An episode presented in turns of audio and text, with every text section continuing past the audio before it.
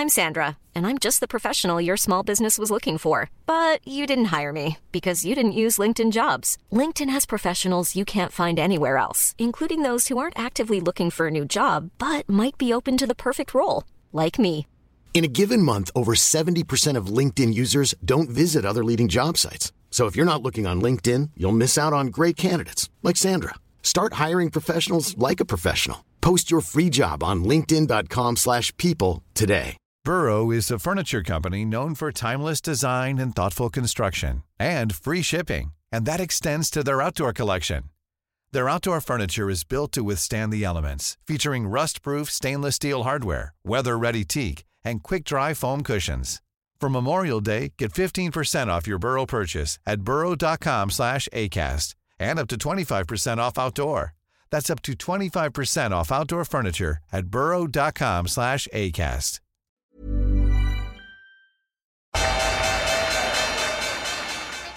They mistook leverage for genius. Leverage for genius. I would recommend Japan. The governments don't rule the world. Goldman Sachs rules the world. Velkommen til en ny episode av podkasten 'Tid er penger'. En podkast med Peter Warren. Jeg heter Sverre og er produsent. Eh, Jeg trykker på, på knapper og diverse og stiller Peter spørsmål. Og så prøver vi å få til en samtale her der vi forstår litt om markedet og diverse. I dag så skal vi ta for oss den diverse ting her nå. Og, um, uh, men, før vi starter, så tenkte jeg kanskje skulle fortelle litt om uh, Vi har jo en del andre ting enn bare podkasten. Og selv folk som hører på en del, vet kanskje ikke alt hva vi har. Um, så uh, hvis du går på tiderpenger.no, som er vår hjemmeside, så skrives det en del blogginnlegg der, og det ligger på sida. Der har vi også link til noe som heter Finansopedia, som er et finansielt oppslagsverk som er ufullstendig nå, men som bare blir bedre og bedre for hver dag. Og målet er å ha det komplett kanskje i løpet av sommeren eller noe sånt.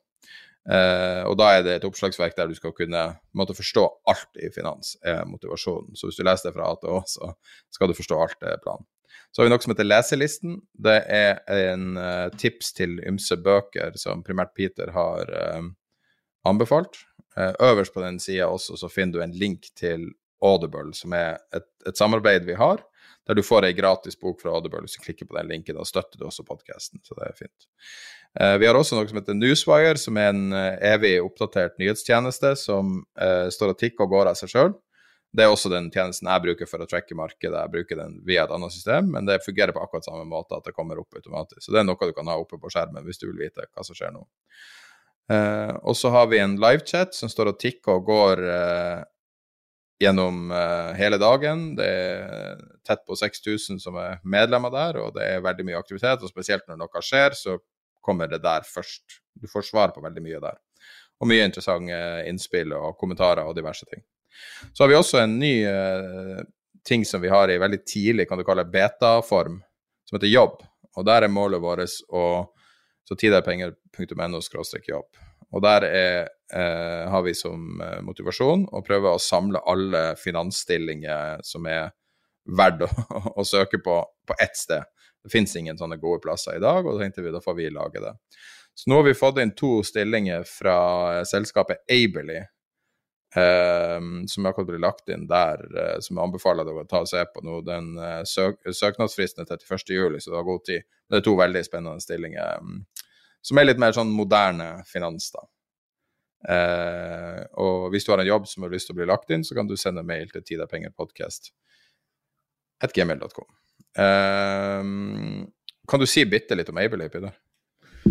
Ja, eh, absolutt. Altså, Aberly eh, er jo et eh, high, altså, Det er jo ikke mange high frequency uh, trading-selskaper i, i, Norge, men Aberly ble opprinnelig grunnlagt av, uh, av to karer fra finansmetropolen Haugesund. Og Jo, men, men Du klarer ikke å si det? nei, nei. Men, men, du kan si at eh, Man kan le av det, men de har virkelig solid bakgrunn, både akademisk og, og markedsbakgrunn. For de var etter, etter å ha studert, så ble de rekruttert til, til JP Morgan, hvor de jobbet på, på algo eh, det, Både på opsjons- og algodesken. Einar Brumnes og Carl Trygve Kalleberg. Og Sistnevnte han, han er da en doktorgrad i informatikk i tillegg til, get this, i medisin.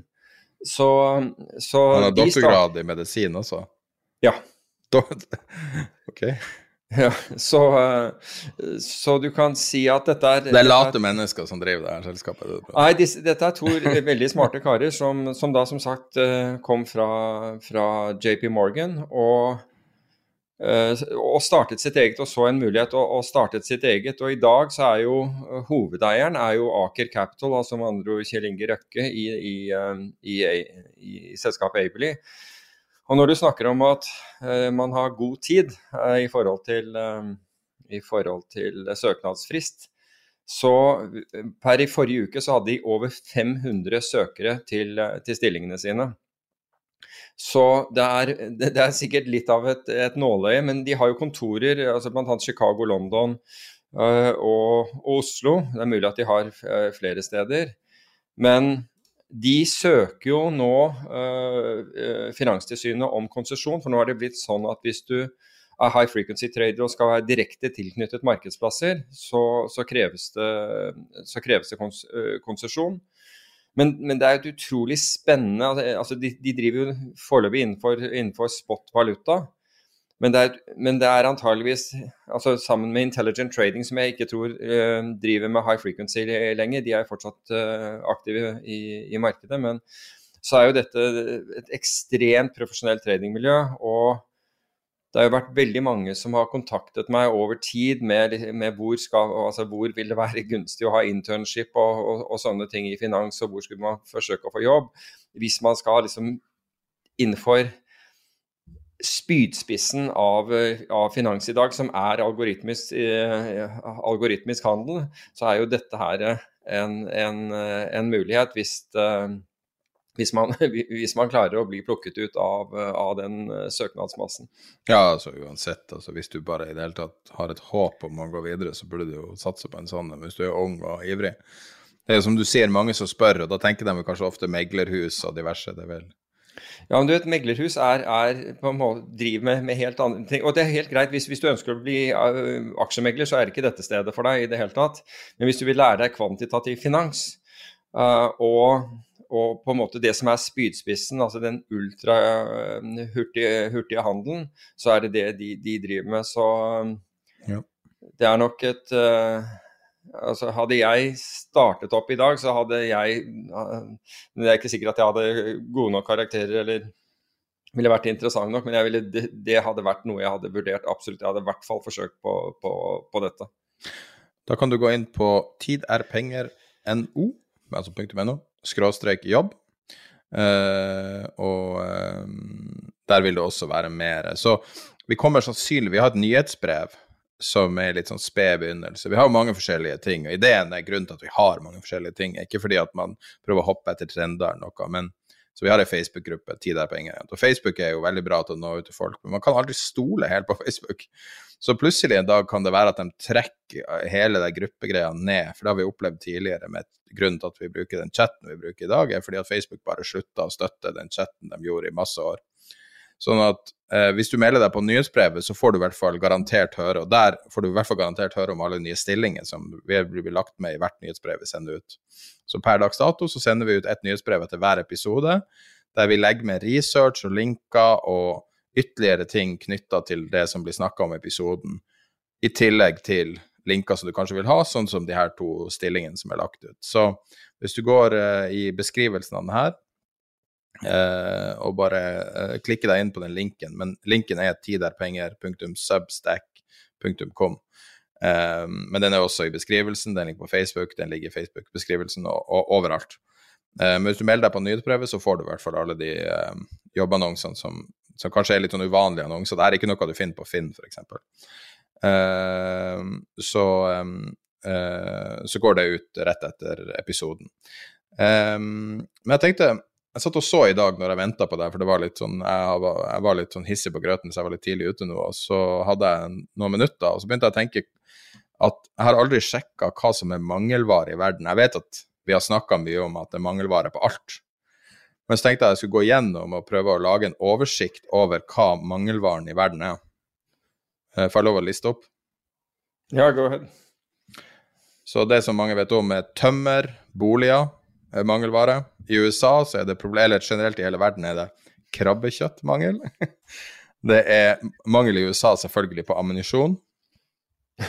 eh, I mangel i USA på jobber. Nå har jeg, sk jeg skrev en oversikt i chatten rett før vi starta, bare for å ha det nedskrevet. Så jeg skrev ansatte jobber med drittlønn, men altså amerikansk minimum wage er jo helt forferdelig dårlig. Det har vi snakka om i podkasten tidligere, som var noe vi plukka opp ganske tidlig, som var at det er vanskelig å fylle jobber som har minimum wage nå. Det er generell mangelvare i, i, over hele verden på blod for, uh, for operasjoner. Uh, varer generelt er det mangelvare på. Det er frykt nå at uh, f.eks. julehandel kommer til å bli ganske hardt ramma av det her. Uh, det er vannmangel i en rekke land i verden og en rekke byer, men det man kanskje ikke har fått med seg, er at også sentralt i USA er det vannmangel. Så Lake Mead er nå på rekordlave nivåer, og de venter å se utslag på de byene som eh, får vannet sitt fra Lake Mead allerede i år. Så nå begynner det her å bli ganske akutt, den vannmangelen som har. Det er liksom ikke bare California og et par andre steder rundt om i verden. Nå er det mer eller mindre overalt. Eh, det er mangelvare på medisiner som du bruker for å drepe pasienter, altså eh, hva det heter Eh, henrettelser eller, eller for barmhjertighetsdrap. Eh, det er mangelvare på klorin, som er da passende med at vi også får en hetebølge. Mye av mangelvarene kommer som følge av mikrochips, altså databrikker. Det er enorm mangelvare, trolig knytta til en rekke faktorer, bl.a. kryptoutvinning. Det er mangelvarer på bruktbiler. Det er mangelvarer på leiebiler. Det er mangelvarer på lastebilsjåfører, stål, kobber. Det er fortsatt mangelvare i USA en rekke steder for drivstoff, at det er tom, tomt for alt. Um, og, der, og, det er igjen knytta til at de ikke har nok lastebilsjåfører til å transportere drivstoffet ut til, til bensinstasjoner. Det er mangelvare i USA på mat. uh, men det er stort sett folk ikke har råd. Mens i Nord-Korea har de ikke mat nå, for de har jo vært, uh, hatt helt totalt hermetisk lukka landet siden korona starta, mer eller mindre. Uh, og de begynner å få trøbbel. Eh, det er en global mangelvare på sykler. Eh, i, Storbritannia er det da ikke så veldig overraskende mangelvare på arbeidere. Eh, det er en kanskje litt mer langsiktig, men, langsiktig problemstilling, men det er mangelvare på leger. I USA er det snakk om 300 000 leger for lite de neste 15 årene. Det er mangelvare på kjemikalier for å rense kloakk. Det er mangelvare på TV-kamera, så TV-produksjoner sliter med å få kamera, altså type Netflix-produksjoner og sånn, for det er rett og slett ikke nok. Det er mangelvare på veimaling, så en rekke veier ikke, får ikke um, sånn stripe. Eh, det er, virker å være ganske stor mangelvare generelt på Starbucks. Så Starbucks, masse av de tingene Starbucks um, selger, er veldig mye importvarer. Og de er ramma av det. Så en av de tingene som var tidlig, var havremelk. For Starbucks er jo kjent for å Du kan ta hva du vil, da. Uh, og, um, uh, men det er, det er my mye på Starbucks av forskjellige ting. Og så har du en generell biff-mangelvare. Og så har du plast og palmeolje. I likhet med trailersjåfører så er det ikke nok Uber- eller Lyft-sjåfører, og de sliter. De har skutt prisene, jeg tror det er femdobla priser på Uber nå i New York eh, pga. Eh, at folk ikke vil kjøre for dem lenger. Eh, og det henger jo sammen med lavtlønna jobber. Det er fortsatt toalettpapirmangel en rekke steder, eh, utrolig nok. Eh, og det har også med transport å gjøre, har også med det lastebilsjåførene å gjøre, og toalettpapir og tamponger. Det er møbelmangelvarer. Kylling, bacon, pølse. Det er i USA, da. Ost, kaffe og olivenolje. Og det mest kanskje skremmende er vel at det er oksygenmangelvare, men det er jo mye snakk om. Mm. Så det er mye som mangler i verden.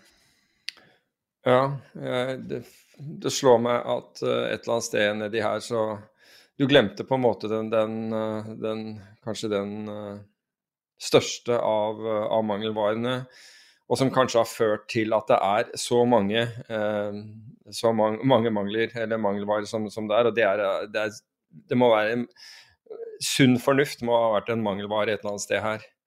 Og da tenker jeg på, på sentral planlegging. Eh, hvis, eh, hvis, det er slik at vi går tomme for vann og mat og Nå tror jeg ikke at veimaling er, er helt oppe på, på, på lista, men, men, en del andre ting, så vi føler jeg at, eh, at fokus må ha, et, må ha vært på feil sted det har i hvert fall ikke vært mangel på å, å sprøyte penger inn i økonomien og, og, eller inn i, inn i finansmarkedene og, og, stimulere den.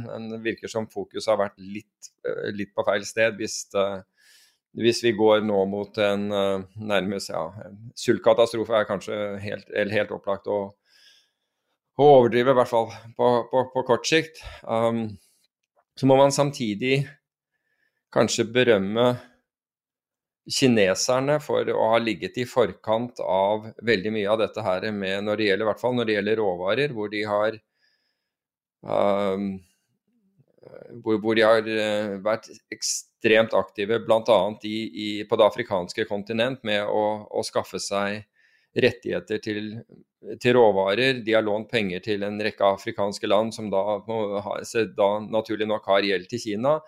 Og, og, gjennom det tatt kontroll over mye av råvarene. Og, og følgelig så betyr det noe når, når, uh, når kineserne gikk ut og, og uh, når de så de kraftig stigende råvareprisene, gikk ut og sa at, nå, at, uh, at de ville reagere dersom, dette, dersom ikke markedene roet seg ned. Og Dermed fikk vi også en korreksjon innenfor, innenfor råvarekomplekset. Sågar, sågar tømmer har, har, reagert kraftig tilbake igjen. Kobber, som du, du nevnte, råvareindeksen vel, er vel opp en, jeg vet ikke, en, en røftlig 16-17% i år, men var vel opp, var vel opp nesten 40 på, på, det meste. Og Det er fordi kineserne har da skaffet seg betydelig makt i og med at de har, de har lagre av, av, mange av disse råvarene. Og hvis de ønsker, så kan de slippe råvarer ut i, eh, i markedet. Jeg sier ikke at ikke kineserne også kan mangle bl.a.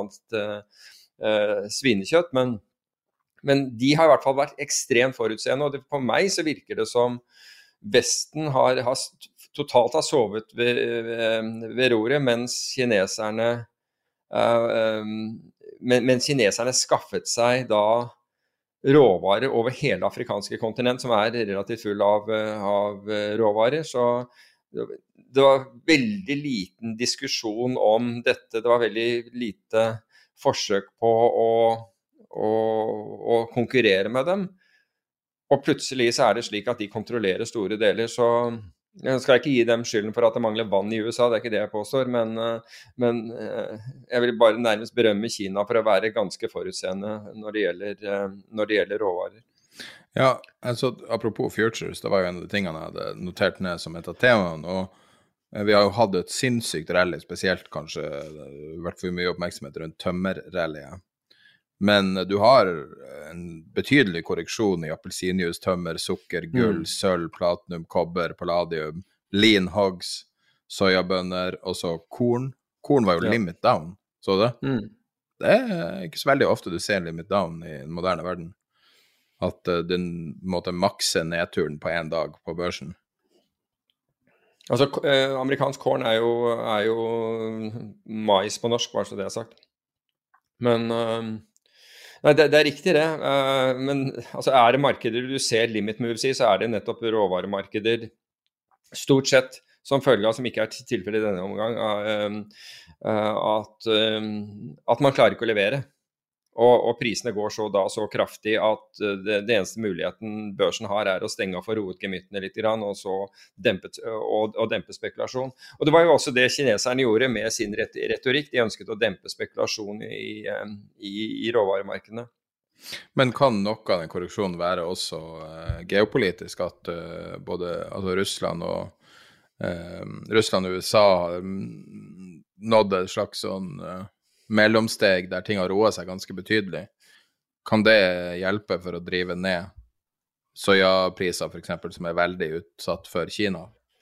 Uh, jeg Altså, jeg føler ikke at uh, det er blitt en, en uh, at det at Biden og Putin snakket sammen i var det fire av fem timer, eller var det, jo, jeg tror det var det jeg, jeg, altså Det er selvfølgelig positivt, men jeg føler ikke at det har fått, uh, fått skuldrene vesentlig, uh, vesentlig, ned. Så jeg vil, så jeg, og Putin har sendt ambassadøren tilbake til Washington. Ja, det, til, til, Washington, helt korrekt. Uh, altså Det hjelper jo på, på, på, spenningen generelt i verden, men, men om, om, det har hatt den effekten Jeg, har mer tro på og, og, og, dette skjedde jo i forkant av en god stund før, når kineserne advarte, advarte markedene. Og de reagerte ganske, ganske umiddelbart på det. At øh, noe lavere spenning mellom USA og, og Russland er, er, kommet i ettertid. Det er mulig at det, det bidrar også. Uh, men, men, hovedårsaken tror jeg var kineserne som, som, på en måte ristet litt opp i både det markedet og kryptomarkedet. For de ga ja. noen klare meldinger der også. Det kom jo noe rett før vi starta, så kom det jo ganske klare meldinger om krypto. Og det var bare forsterka mer den budskapet om at det var sentral, kinesiske sentralbanken. Om at mm. uh, du har ikke lov å drive noe kryptobusiness i det hele tatt. Uh, så de uh, Alipay, eller Ant Group, som muligens tidligere var drevet av Jack Ma, jeg vet ikke om han fortsatt har kontroll over det, men de har, uh, har, jo en ganske betydelig kryptobusiness, så, så det er jo store aktører som blir nekta å drive. Absolutt. Absolutt er det det. Um, men vi, får nå se. Altså, jeg, den største tru, trusselen uh, for krypto, sånn som, som, sånn som, jeg har sett det, det har vært Elon Musk. Men, uh, fordi du vet aldri hva han, han, vil si. Og det er ikke det at han er så viktig i seg selv, men vi var i ferd med, jeg tror vi snakket om dette så vidt forrige gang også, vi, vi var i eh, stadig flere institusjoner eh, interesserte seg for kryptomarkedet og, og tok posisjoner i, innenfor, innenfor, krypto. Men når én person, altså en ikke-offisiell person, altså han er ikke, altså in, han er ikke sentralbanksjef, er ikke styrer ikke et land eller noe sånt og uttaler seg om krypto, og det, og, og det, er det viktigste som skjer i krypto. og Det kan få kursene til å svinge med alt fra ja, 10 til, til, til 50% Så er det klart at det er vanskelig for en institusjon å forsvare altså Det at de har en liten andel krypto, det er mulig, men det er, det er vanskelig å forsvare at man øker eh, kraftig innenfor, eh, innenfor krypto. Fordi du vet aldri altså avhengig av én person, det, det, det, tilsier at det markedet egentlig ikke fungerer som det, som det, skal. Og det er bare sånn det er. Så At krypto eller generelt, eller? Ja, altså generelt, men han, han, påvirker jo kryptomarkedet mye mer enn annet. At han kan påvirke sin egen aksje, det er jo greit nok, men han påvirker heldigvis ikke finansmarkedet i noe særlig grad for øvrig. Men han har definitivt eh, påvirket uh, hele kryptospacet. Og, og bitcoin er på en måte fortsatt brand navnet over alle innenfor, innenfor, krypto. Men vi så hva som skjedde med Dogecoin og, den, og den biten der. Og når, når, man, når svingningene Altså når én person, en ikke-offisiell person, kan påføre markedet så store svingninger, det er klart at da, da mister det seriøsitet. Det er helt opplagt. Så selv om det, det, det, er alltid farlig, fordi krypto er også for, for mange blitt en, blitt en, religion. Ikke noe galt i det. Altså, jeg, jeg, er positiv til, um, til, til krypto selv, men, men her, her, her, ødelegger man for seg selv. altså Når markedene begynner å, å reagere på, på enkeltpersoner sånn, sånn som dette her. Og det er vel egentlig en videreføring av det vi har sett i f.eks. memestocks. Da. Altså at, at uh, aktører uten finansiell bakgrunn eller ingen kan man si status innenfor finansmarkedene eller myndigheter på, kan påvirke markeder som de har gjort. Og det er ganske interessant, syns jeg, med den, med den påvirkningen inn, innenfor uh, Bare for å forlate krypto bitte lite grann, men, men innenfor um, innenfor memestocks, for du kan jo lure på om Altså, jeg, jeg, så det var Financial Times hadde en oppstilling over hva, hva retail um, hvilke, hvilke, kilder de har til, til uh, å kjøpe Altså når de, når de, skal bestemme seg for å kjøpe en aksje. Og faktisk så var da sosiale medier og influensere på tredjeplass Og det er altså Det syns jeg man skal våkne opp over. At de er på tredjeplass når det gjelder om folk kjøper aksjer eller ikke. Fordi kan man tenke seg Altså nå har vi sett at man klarer å påvirke valg og, og, og valgresultater. Kan man tenke seg at det samme skjer innenfor innenfor, innenfor aksjemarkedet. Altså det er, at det foregår en ekstremt bevisst kursmanipulasjon, og selvfølgelig ulovlig, kursmanipulasjon hvor man bruker sosiale medier og bruker, bruker alle de teknikkene som man brukte i forbindelse med f.eks. For det ikke siste amerikanske valg, men, men, valget før. Altså type Cambridge Associates, ikke dem, men, men andre som faktisk driver, en, driver påvirkningsoperasjoner her. På, påvirkningsoperasjoner, det, det, er, det, er, jo noe som, som etterretningsorganisasjoner driver med osv. Og, så og disse selskapene, à la Cambridge og en del andre, er jo den type Altså de gjør jo egentlig altså Open source, selvfølgelig. altså De gjør det med, med, med lovlig datainnhenting, får vi håpe, men eh, vesentlig lovlig eh, datainnhenting. og ren analyse, et stort analysearbeid, for å kunne påvirke med maks maksimal effekt. Og Du kan jo lure på en del av disse eh, Når, når du går tilbake og ser, går tilbake i historikken med, med GameStop, uh, Stop, AMC og en del andre, om det drives systematiske påvirknings, påvirkningsoperasjoner her. Men husker du når jeg begynte å snakke om Wall Street Bets? Det er bra lenge siden. Mm. Det var nesten, Jeg tror det var et år eller noe mer før det her kicka inn. Altså, jeg vet at veldig mange har prøvd å gjøre det, og det er sikkert noen som klarer det. Men hvis Altså, jeg har jo fulgt det her ganske tett da, fra før det ble en trend. Så min konklusjon var at det her var en genuin organisk greie. Det var en vits som bare eskalerte og eskalerte og eskalerte. Litt sånn som på, uten sammenligning for øvrig, altså med at det var en vits, men sånn som Donald Trump sin presidentkampanje mm. som han tilsynelatende ikke ville vinne, ut fra alle som var der, og alle var at det her var en markedsføringsstunt som bare got out of hand. Mm. Uh, og folk som var der når han vant, sa jo de var ikke noe glad når han vant. Og, altså dem som var i rommet. Og du ser jo at det her er jo ikke en person som sitter og feirer, liksom. Sånn at Ja, jeg har også du... lest eh, den der Det den omhandles ganske detaljert i den ene boken om, ja, den, om Trump. Jeg husker ikke om det var det han der det er ikke, kjente Det er ikke Woodward? Det, er, jo, det var, boka, det. var det Woodward-boken? Jeg tror det var det, men det er det to bøker. Okay, men, ja, jeg har lest, men det fins videoer av det også, når han ja. sitter der, og, og, du ser jo at det her er ikke en glad person. altså Du trenger ikke, å analysere noe mer enn det. Og, um, og alle forsto jo at, at, han ikke var, var helt klar for hva det her innebar, da, og, og nå sliter med ettervirkningen. Så det var Men uansett, um, på samme måte som at det var liksom noe som var ment som å være liksom et stunt som bare ga totalt out of hand. Så jeg har inntrykk av at uh, det som skjedde med Wall Street Bets, var et stunt. Uh, noe som har vært prøvd i alle år på sånne her um, uh, aksjeforum, også i Norge, å prøve å drive aksjer. og Jeg vet ikke om, om, det er tilfeldig at vi aldri snakker om enkeltaksjer, men det er jo veldig deilig å ikke gjøre det, for da får man ikke det problemet. Du er ikke ute etter å, å påvirke aksjer, og du gjør ikke det heller. Vi snakker jo stort sett mm. aldri om norske enkeltaksjer, og det er fint, for da da kan man ikke bli anklaga for det. Ja, Vi kommer jo av og til inn på når, når det er helt på topp av, av, av nyheter, men uh, da, da, kan det være at vi, vi, vi, vi, snakker om det, men Men sånn her forum, da, dem, uh, det, det, var en, en, happy accident at det funka. Mm. Og så Ja, mulig. Tilsynelatende så var det én aktør som faktisk prøvde å manipulere det her, og det var den finansbloggen som heter Zero Hedge. Uh, en av verdens største nettsider. og drevet av en trader som helt åpenbart trader veldig mye sjøl. Og veldig mange av de her ideene, spesielt knytta til gammaskvis, tilsynelatende starta på Zero Hedge.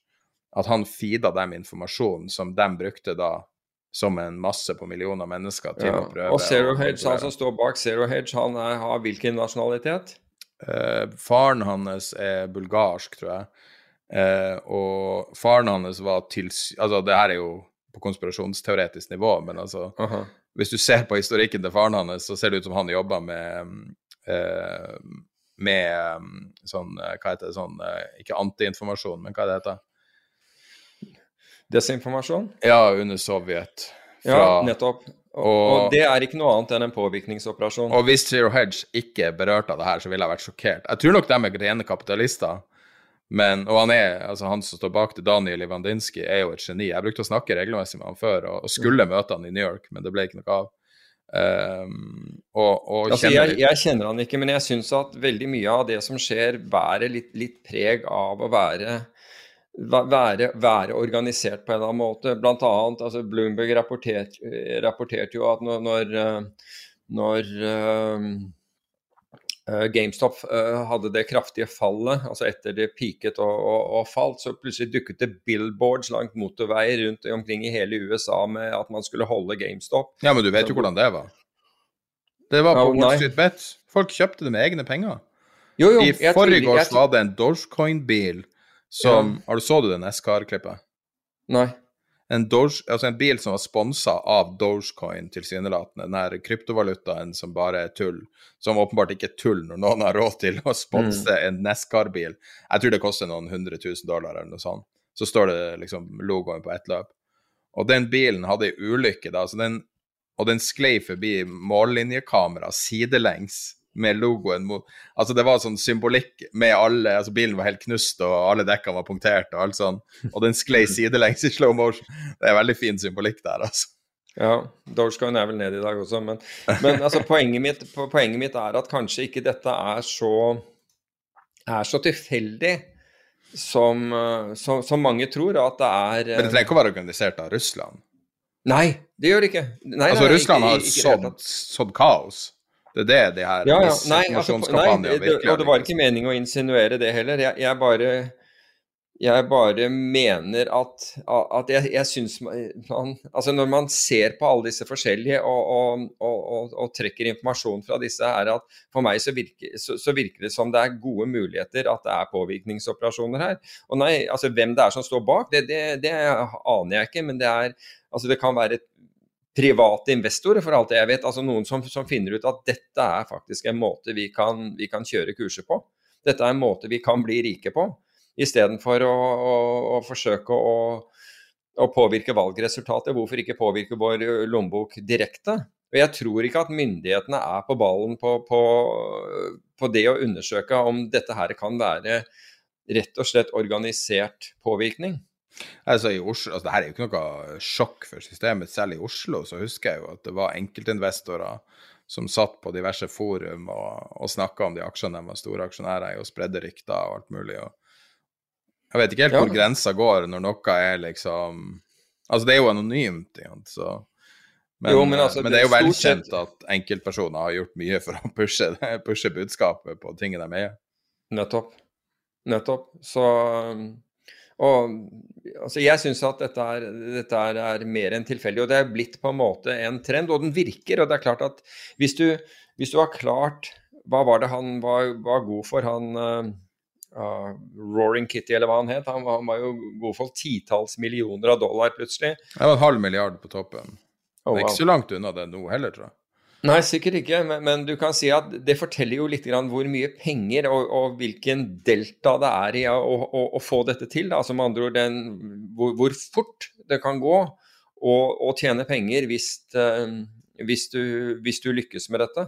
På en organisert måte, altså på, på en analytisk uh, måte. Altså det, er jo det, altså det brukes enorm analysekraft. Altså vi snakket om Able i det, i det siste. Vi skal også være innom dette med high frequency uh, trading i dag. Men det brukes jo enorm analysekraft på å prøve å forutsi uh, neste 100 millisekunder og, og, og, i, i, markedet, og selvfølgelig neste sekunder. Og noen forsøker å, å, å analysere hvor dette kan være om fem år, og good luck with that. men enorm analysekraft på det. Og hvis du kan bruke samme, den, den, den, samme datakraften på, på, en, på, på påvirkningsoperasjoner og, og, få vesentlig mer ut av det, så, så vil jeg jo si at, at altså ut ifra kapitalismens prinsipper så har du feilallokert eh, ressursene dine hvis du, hvis du, sitter og prøver å ta bitte små gevinster på, på, på mikro- og millisekunder. Hvis du kan, hvis du, kan, hvis du, du kan gjennom den samme, samme, datakraften påvirke påvirke altså Foreløpig så er jo ingen tatt for at dette er ulovlig, vi, og det kan være lovlig for alt jeg vet. Du, det er som du sier. Jo, man ser jo det der på nettet, som du sier. altså På, på, på forskjellige fora, fora så, så, forsøker da eh, folk å, å, å, pumpe kurser, og de bruker, eh, de bruker ulike pseudonym. Altså samme person bruker da ulike, uh, ulike pseudonym på, på ulike uh, fora. Så det, det for, for, meg så er jo det en, en om enn noe amatørmessig, men det er jo en påvirkningsoperasjon. Så ikke tro at dette kan gjøres på, på, på en mye mer profesjonell måte. Det tror jeg, det tror jeg er naivt. Å utelukke det tror jeg også er naivt. Um, har du fått med deg det nye flyselskapet som skal starte? Da snakker vi om Flyr, eller snakker vi om noe helt annet? Flyr, ja. Forferdelig ja, ja. navn. Jeg klarer, å, klarer ikke å, si det naturlig i setning, men mm. uh, Nei, for jeg, jeg, så det forrige uke, når jeg kjørte um, noen til Gardermoen. Så står flyet liksom lina opp ved siden når du kjører opp der. Sikkert okay. strategisk plassert for at du skal se det. Hva slags fly er det de har? Ja, det er noe uh, det er noe det samme som, uh, som Norwegian, tror jeg. Altså er, Boeing 737 og, og? Ja, jeg tror det. Men de, de har visst okay. noen bestillinger på nye. Jeg har ikke satt meg inn i, i fly, Flyene er nye nok, og det er fornuftige folk som står bak det. Det er det jeg bryr meg om. Mm. Um, og, um, men det er jo ufattelig heldig timing, da. Herregud. Går det an? De starter å fly 30.6, akkurat når ting er lasta opp etter korona.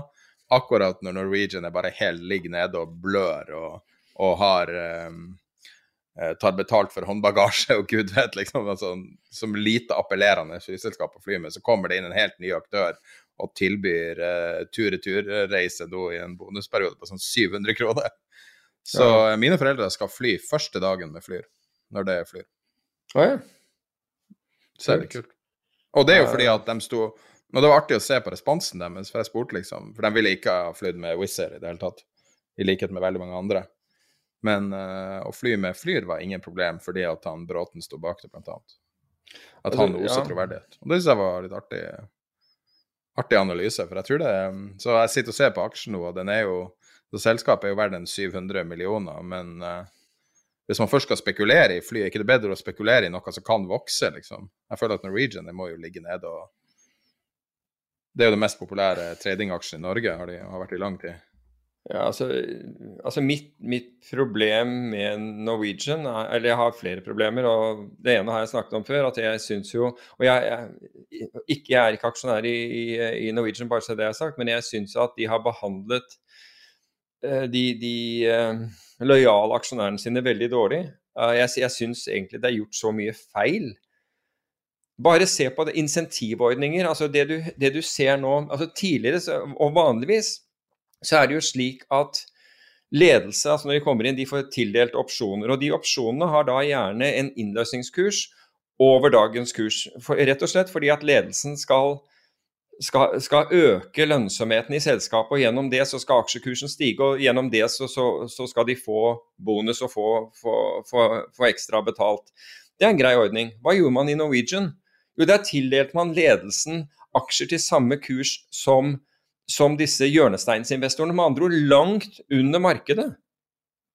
Altså Det er en insentivstruktur her som, som er hinsides, etter min oppfatning.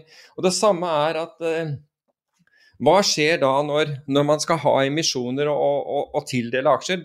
Hjørnesteinsinvestorene gjør en viktig og stor jobb, ingen, ingen problem med den. Men en hel haug andre som er kortsiktige investorer, får tildelt, istedenfor at, til, at, at du får at uh, de, de, lojale, langsiktige investorene får, får, får tegne seg ekstra. De, de, da, de, kommer bak i køen. De, de fikk noen tegningsretter i forbindelse med, med, aksjene de har sittet på hele veien nedover. Men det er det de får. Og så er det en rekke andre som da blir tildelt. Hvorfor er det sånn, og hvorfor, hvorfor eh, sables gjelden ned som den gjør? Jo, fordi Rådgiverne som kommer inn her, insentivordningene er jo ikke nøytrale. Og Det var en av de tingene som, som Finanstilsynet skulle legge vekt på, dette med, med, nøytrale insentivordninger. Det er vanskelig å få til når det gjelder dette, det, det, skal, det skal, jeg innrømme. Men det skulle ikke være slik at, man, at um, meglerforetak anbefalte det som var til best for dem.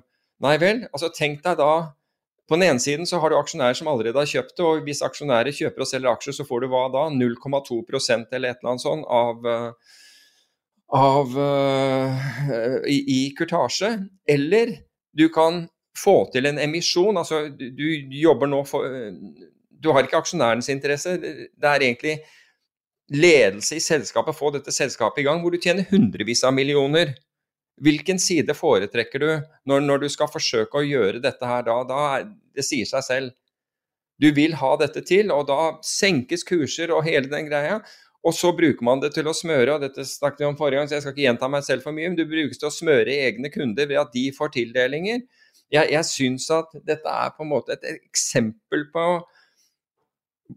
at kapitalismen ikke virker et eksempel på at, at, finansmarkedene ikke virker, og et eksempel på hvorfor folk er så kritiske.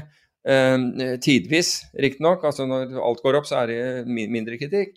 Kritiske til det, det som skjer i, i, finansmarkedene. Men å tildele ledelsen rabattaksjer Hvorfor det? Hvorfor i all verden skal de, skal de liksom få lov å fylle opp så de kan umiddelbart selge dette med milliongevinst? uten å ha gjort noe. Og i dag gikk sjefen. Og i dag går sjefen. Eller kastdag og whatever. Ja, ja, ifølge avisen så, så, ble han kastet. Men jeg tror ikke han gir hva, hva, tror du skjer med de aksjene? Tror ikke han gir de tilbake igjen? Nei, altså, Ifølge en avis så var det, sto bl.a. striden om en 8,5 million etterlønnavtale. Og hvis du er veldig opptatt av etterlønna, så vet jeg ikke hva det sier om tilliten din til selskapet. Jeg vet ikke. Hvis du tror at det her skal vokse inn i himmelen, så gjør det noe faen i den etterlønna. da vil du jo tjene milliarder på å være sjef, liksom. Men du vet, Norwegian har etter min oppfatning nytt veldig godt av patriotisme. Altså den, både fordi de skaffet nordmenn et billig flyalternativ, og selvfølgelig fordi de heter Norwegian, og, og jeg tror norske folk liker det. Men nå, men nå, har man på en måte, etter min oppfatning, gjort så mange grep som besudler på en måte den, den eh, det imaget. Og nå, som du nevner, nå får man i et nytt flyselskap som jeg kan veldig lite om, annet enn at jeg vet at Erik Bråten uh, står, står, bak. Så hvis du plutselig får et reelt alternativ og du ikke må betale penger hvis du, hvis du, hvis du putter jakken din opp i, i uh, hat-track, hva heter det for noe? Oppi, uh, over setet. I, uh, I, bagasjehyllene og sånn. Du ikke må Noen kommer med, med med en sånn kredittkortterminal fordi du legger jakken din oppi der osv. Jeg tror faktisk de gjør det. Hvis du har uh, vinterjakke, så tror jeg de gjør akkurat det. Ja, altså, men altså vi, Og et annet selskap, men, men, altså Og jeg har sagt dette også før, at jeg, jeg fløy veldig mye med Norwegian, men, men jeg fant ut at når jeg skulle på jobb så var det vanskelig å fly med Norwegian fordi de var ofte, ofte forsinket. Mer oftere forsinket. Så jeg gikk tilbake igjen helt klart til, til, å fly SAS. Måtte jeg være et sted, så, så var det mye større sannsynlighet for at de, uh, at de klarte det. Og det samme hjem fra f.eks. London med Norwegian siste fly om kvelden. Da sto du som regel igjen på Gardermoen med det siste toget hadde gått og hele greia for rett og slett pga. forsinkelser. Og så finner man ut at dette er for mye mas. Med dette så ender du opp med å med, med, med å, å, fly SAS, som, som, jeg alltid egentlig har vært, uh, vært, fornøyd med. Men hvis nå Flyr klarer å skape, skape et reelt alternativ til Norwegian, da tror, jeg, da tror, jeg, virkelig at Norwegian skal passe seg. Ja, altså Timing er jo helt crazy. De har ingen bagasje, ingenting. Kommer inn akkurat når ting starter opp igjen. Altså, det er jo, kan jo ikke være bedre timing. Det går ikke an å ha bedre timing enn de hadde. Og det er jo sannsynligvis like mye flaks som noe annet, men Kanskje Nei, det er vel snakk om at de utnyttet en situasjon. De så at ting var nede. De så at, uh, at uh, flyaksjer verden over falt kraftig uh, under, under, pandemien. Og fly dermed var, var rimelig til, til, salgs. For selskapet måtte kvitte seg med, med, med, med fly. Ja, det er, det er selvfølgelig egentlig, en viktig faktor. Jeg. Ja, jeg tror det. Så, så du kan si det er det er, det er jeg tror også at det er, det er dyktighet. Det er ikke gitt at, eh, at Flyr ville kommet på banen hvis ikke, den, eh, hvis ikke situasjonen hadde vært som den hadde vært, men nemlig at antageligvis Erik Bråten, som var da visjonæren her, snur seg rundt og, og ser her er det en mulighet. Ja. Let's go for it. Jeg bare Jeg hadde bare lyst til å ta det opp, siden nå startet det opp den 30. og fly. og Jeg ser jo nå, bare i min egen familie, altså nå er det jo, hvis man flyr fra Tromsø f.eks., så blir det jo ofte dyrt å reise. Og um, Norwegian er ikke lenger et alternativ som sjekkes, liksom. Det er SAS eller det, det her. Så, eh, vi har fått et lytterspørsmål til deg. Eh, riktig utgangspunkt metodikk for å analysere aksjer, råvarer og valuta? Ja, altså Og jeg, jeg, forstår at folk er interessert i det. altså Hvor, hvor kommer du i gang, hva er det du begynner å, å, å, se på? Og Problemet er at det er jo et veldig stort spørsmål, um, fordi det er mange måter å gjøre det på. Du kan, du kan velge å analysere fundamentalt ved at du ser på inntjening, um, utbytte, balansen til selskapet osv. Um, eller du kan de, de, to hovedmåtene er vel, er vel egentlig fundamentalt eller, eller teknisk, nemlig at du, du, ser på kursutviklingen på en eller annen måte. Altså du ser på kursdata. Og da var det vel uh, Stan Druckenmiller, altså tidligere partneren til, uh, til George Soros, som sa at han Uansett uh, hvor godt han likte et selskap uh, fundamentalt, så kjøpte han det aldri uten å ha, uten å ha sett chartet, altså med andre ord uten å ha sett teknisk uh, på det. Og, prøv, og, det er jo ikke en, en enartet metode i, i det å analysere noe fundamentalt. For det er klart at alle kan skaffe, alle kan lese et regnskap, eller alle kan ikke, men de aller fleste kan lese et regnskap og finne nøkkeltall osv. Men disse nøkkeltallene, altså, det er jo ting som allerede har skjedd, og det er jo fremtiden vi, vi snakker om. Så det er hvor god du er til å se hvordan faktorene uh, som er viktige for selskapet, påvirker selskapet fremover. Det er én måte, det er det fundamentale analytikerne gjør. Tekniske analytikerne tar utgangspunktet i kursutviklingen og sier at egentlig så er all kjent informasjon i kursutviklingen, og det er det egentlig Stan Druckenmiller sier. Altså hvis et selskap har kjempegode uh, fundamentale nøkkeltall, men, men, men, kursen faller, altså man ser kursen faller på, i, i, i chartet, da tenker han at her er det noe jeg ikke vet, og, og venter til han ser at dette, det, dette bunner ut. Men og det gjelder jo egentlig det samme for aksjer, råvarer og valuta. Det er jo enklere, tror jeg, for de aller fleste å få en oversikt over hva som skjer ved, ved å se på en kursgrafe. Ikke det at den, for, den egentlig forteller deg noe, fordi den, den, forteller jo litt om balansen mellom, mellom kjøpere og, og, og, selgere, altså tilbud og etterspørsel. Og, du, og, den kan bekrefte e, et annet syn. Men, vi må også, men det, er, det, er, så mye mer komplekst enn det. Altså bare se på det vi, det vi, har sett bare i år, hvor det har vært et voldsomt skifte eh, mellom eh, vekstaksjer og verdiaksjer. I år så har vekstaksjene eh, falt og verdiaksjene steget, og nå har det blitt reversert igjen. Det er mange sånne faktorer. ESG som, som, som det grønne, det bra, og, og, og, på en måte fornybar energi og selskaper som, som opptrer sosialt ansvarlig Veldig lett å investere i, men prisingen på dem ble altså Altfor mange investerte altfor mye på for kort tid, og prisingen gikk altfor høyt. Slik at det har korrigert. Så har du, så har du meme stocks, ikke sant? Altså, som plutselig er kommet inn, som, som gjør at aksjer som anbefales over sosiale medier, er de som går. Altså, hvor skal du, hvor skal du egentlig se hen? Og problemet er at, og så har du energi, altså uh, ren energi mot fossil energi, og der så jeg for øvrig at um, Egil Madsen, som nå er tidligere uh, visesentralbanksjef, som nå er administrerende i Forte uh, forvaltning, skrev om det nå i helgen og viste da til grafer som, hvor, hvor, ren energi hadde gjort det veldig mye bedre over de siste fem årene enn fossil energi. Altså med andre ord oljeselskapene, helt riktig. Men hvis du hvis du tok det fra årsskiftet i år Og folk har jo kommet inn i dette med ren energi, ikke på begynnelsen, har, for fem år siden. De fleste, de fleste, har på en måte kjøpt dette i den senere tiden. Så er forskjellen 50% i favør av fossil energi. Altså med andre ord, fossil energi er opp noen og 40 og, og, og fornybar energi er ned. så, og, og, det er en ganske stor forskjell.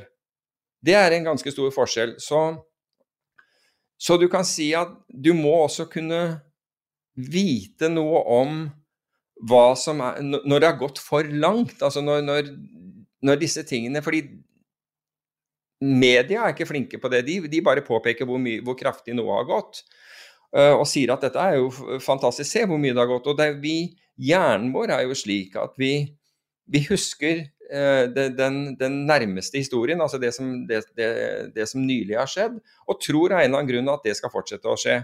Og mange ganger gjør det det. Ganger, men så kommer det da til punkter hvor det ikke skjer, og hvor det reverseres. Men hvis du klarer, så Hvilken analysemetode du skal bruke, det er litt opp til, opp til, deg selv, hva som på en måte ligger for deg selv.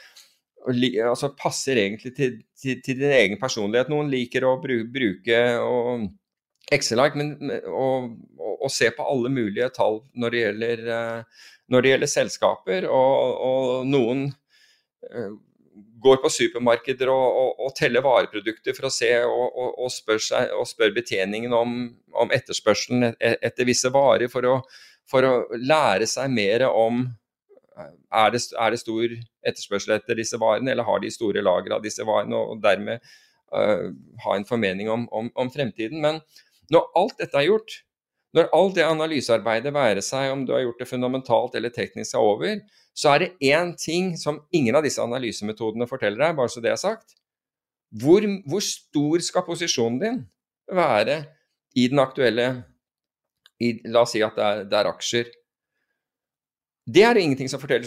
Når, når, jeg hater å høre teknisk analyse gir et kjøpsignal, for det er ikke teknisk analyse vi gjør, det er, det er din beslutning basert på visse, visse tekniske faktorer som, som gir et kjøpsignal.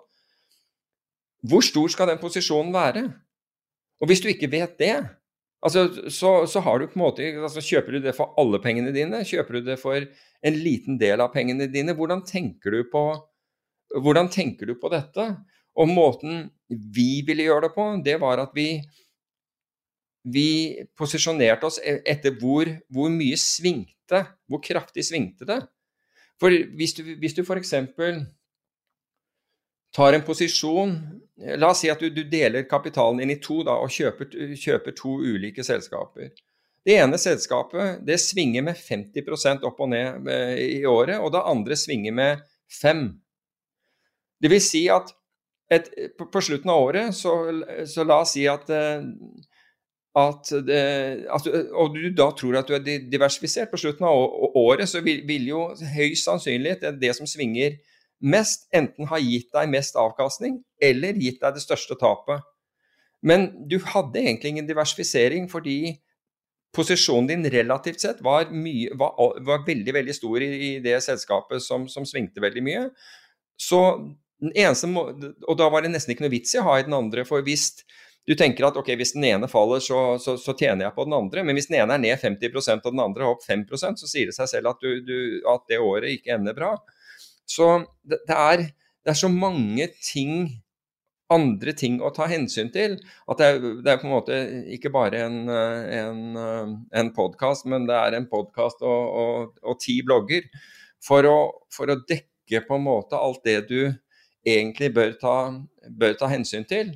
Og jeg vil jo si at nei, posisjonsstørrelsen din er, er, er antageligvis noe av det viktigste for jeg tror veldig, veldig mange har brent seg på å ha for stor posisjonsstørrelse. Ikke det kanskje at de ikke klarer den økonomisk, men at den påvirker dem psykisk. Fordi når, når du ser de svingningene, at f.eks. ta i fjor, da, hvor, uh, hvor hvis du satt med norske aksjefond, og plutselig så var markedet ned 30% Hvis du satt gjennom det og sa det er ikke noe problem, jeg er en langsiktig sparer, det her er ting jeg må, uh, som jeg må forvente. Jeg vet at aksjemarkedet kan halvere seg av og til. I verste fall kan det gå ned, ned over 60% men jeg har tro på at, at økonomier uh, stiger over tid, og dermed at, at uh, også aksjer gjør, det. Hvis du hadde den holdningen og bare Nei, det er greit. Jeg, eventuelt så kjøper jeg litt mer, men jeg blir ikke urolig. Da har du, da har du riktig posisjonering. Men for mange så var det så voldsomt at de med en gang lurer at jeg må prøve å komme meg ut, og tenker at ah, hvis dette bare går litt opp, så, så, skal jeg ut av dette her for all del. Jeg skal aldri ha i dette her mer, dette var, dette var, feil. Og hvis du gjorde det, så gikk du da glipp av den på, påfølgende oppgang. Ikke det at den var nødt til å skje, den kunne jo gått lenger ned. Men poenget er at størrelsen på posisjonene dine i forhold til din egen syke forventning og det du Og ikke minst økonomi, er er en av de viktigste tingene.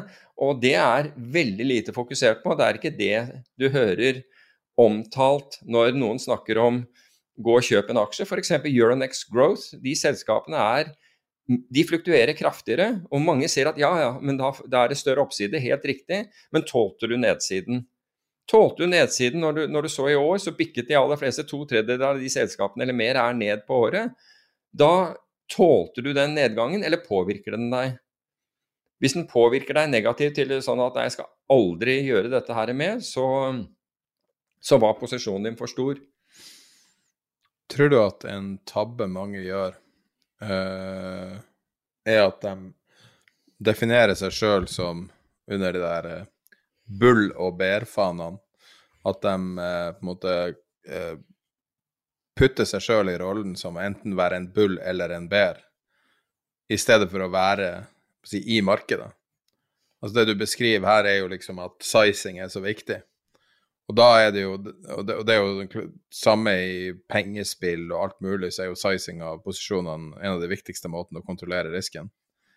Uh, men en annen måte er å ikke tenke på markedet som binært, at det skal opp eller ned. For mm. minst like mange som er optimister, er jo ultrapessimister til alt fra A til Å. Og man må jo si at Eh, I 2021 er det ganske lett å være pessimist i forhold til det at liksom bare trykkes penger, trykkes penger, trykkes penger. Man kan også si at ettersom det gjør det, kanskje det varer i ti år til i samme tempo. Hvem vet?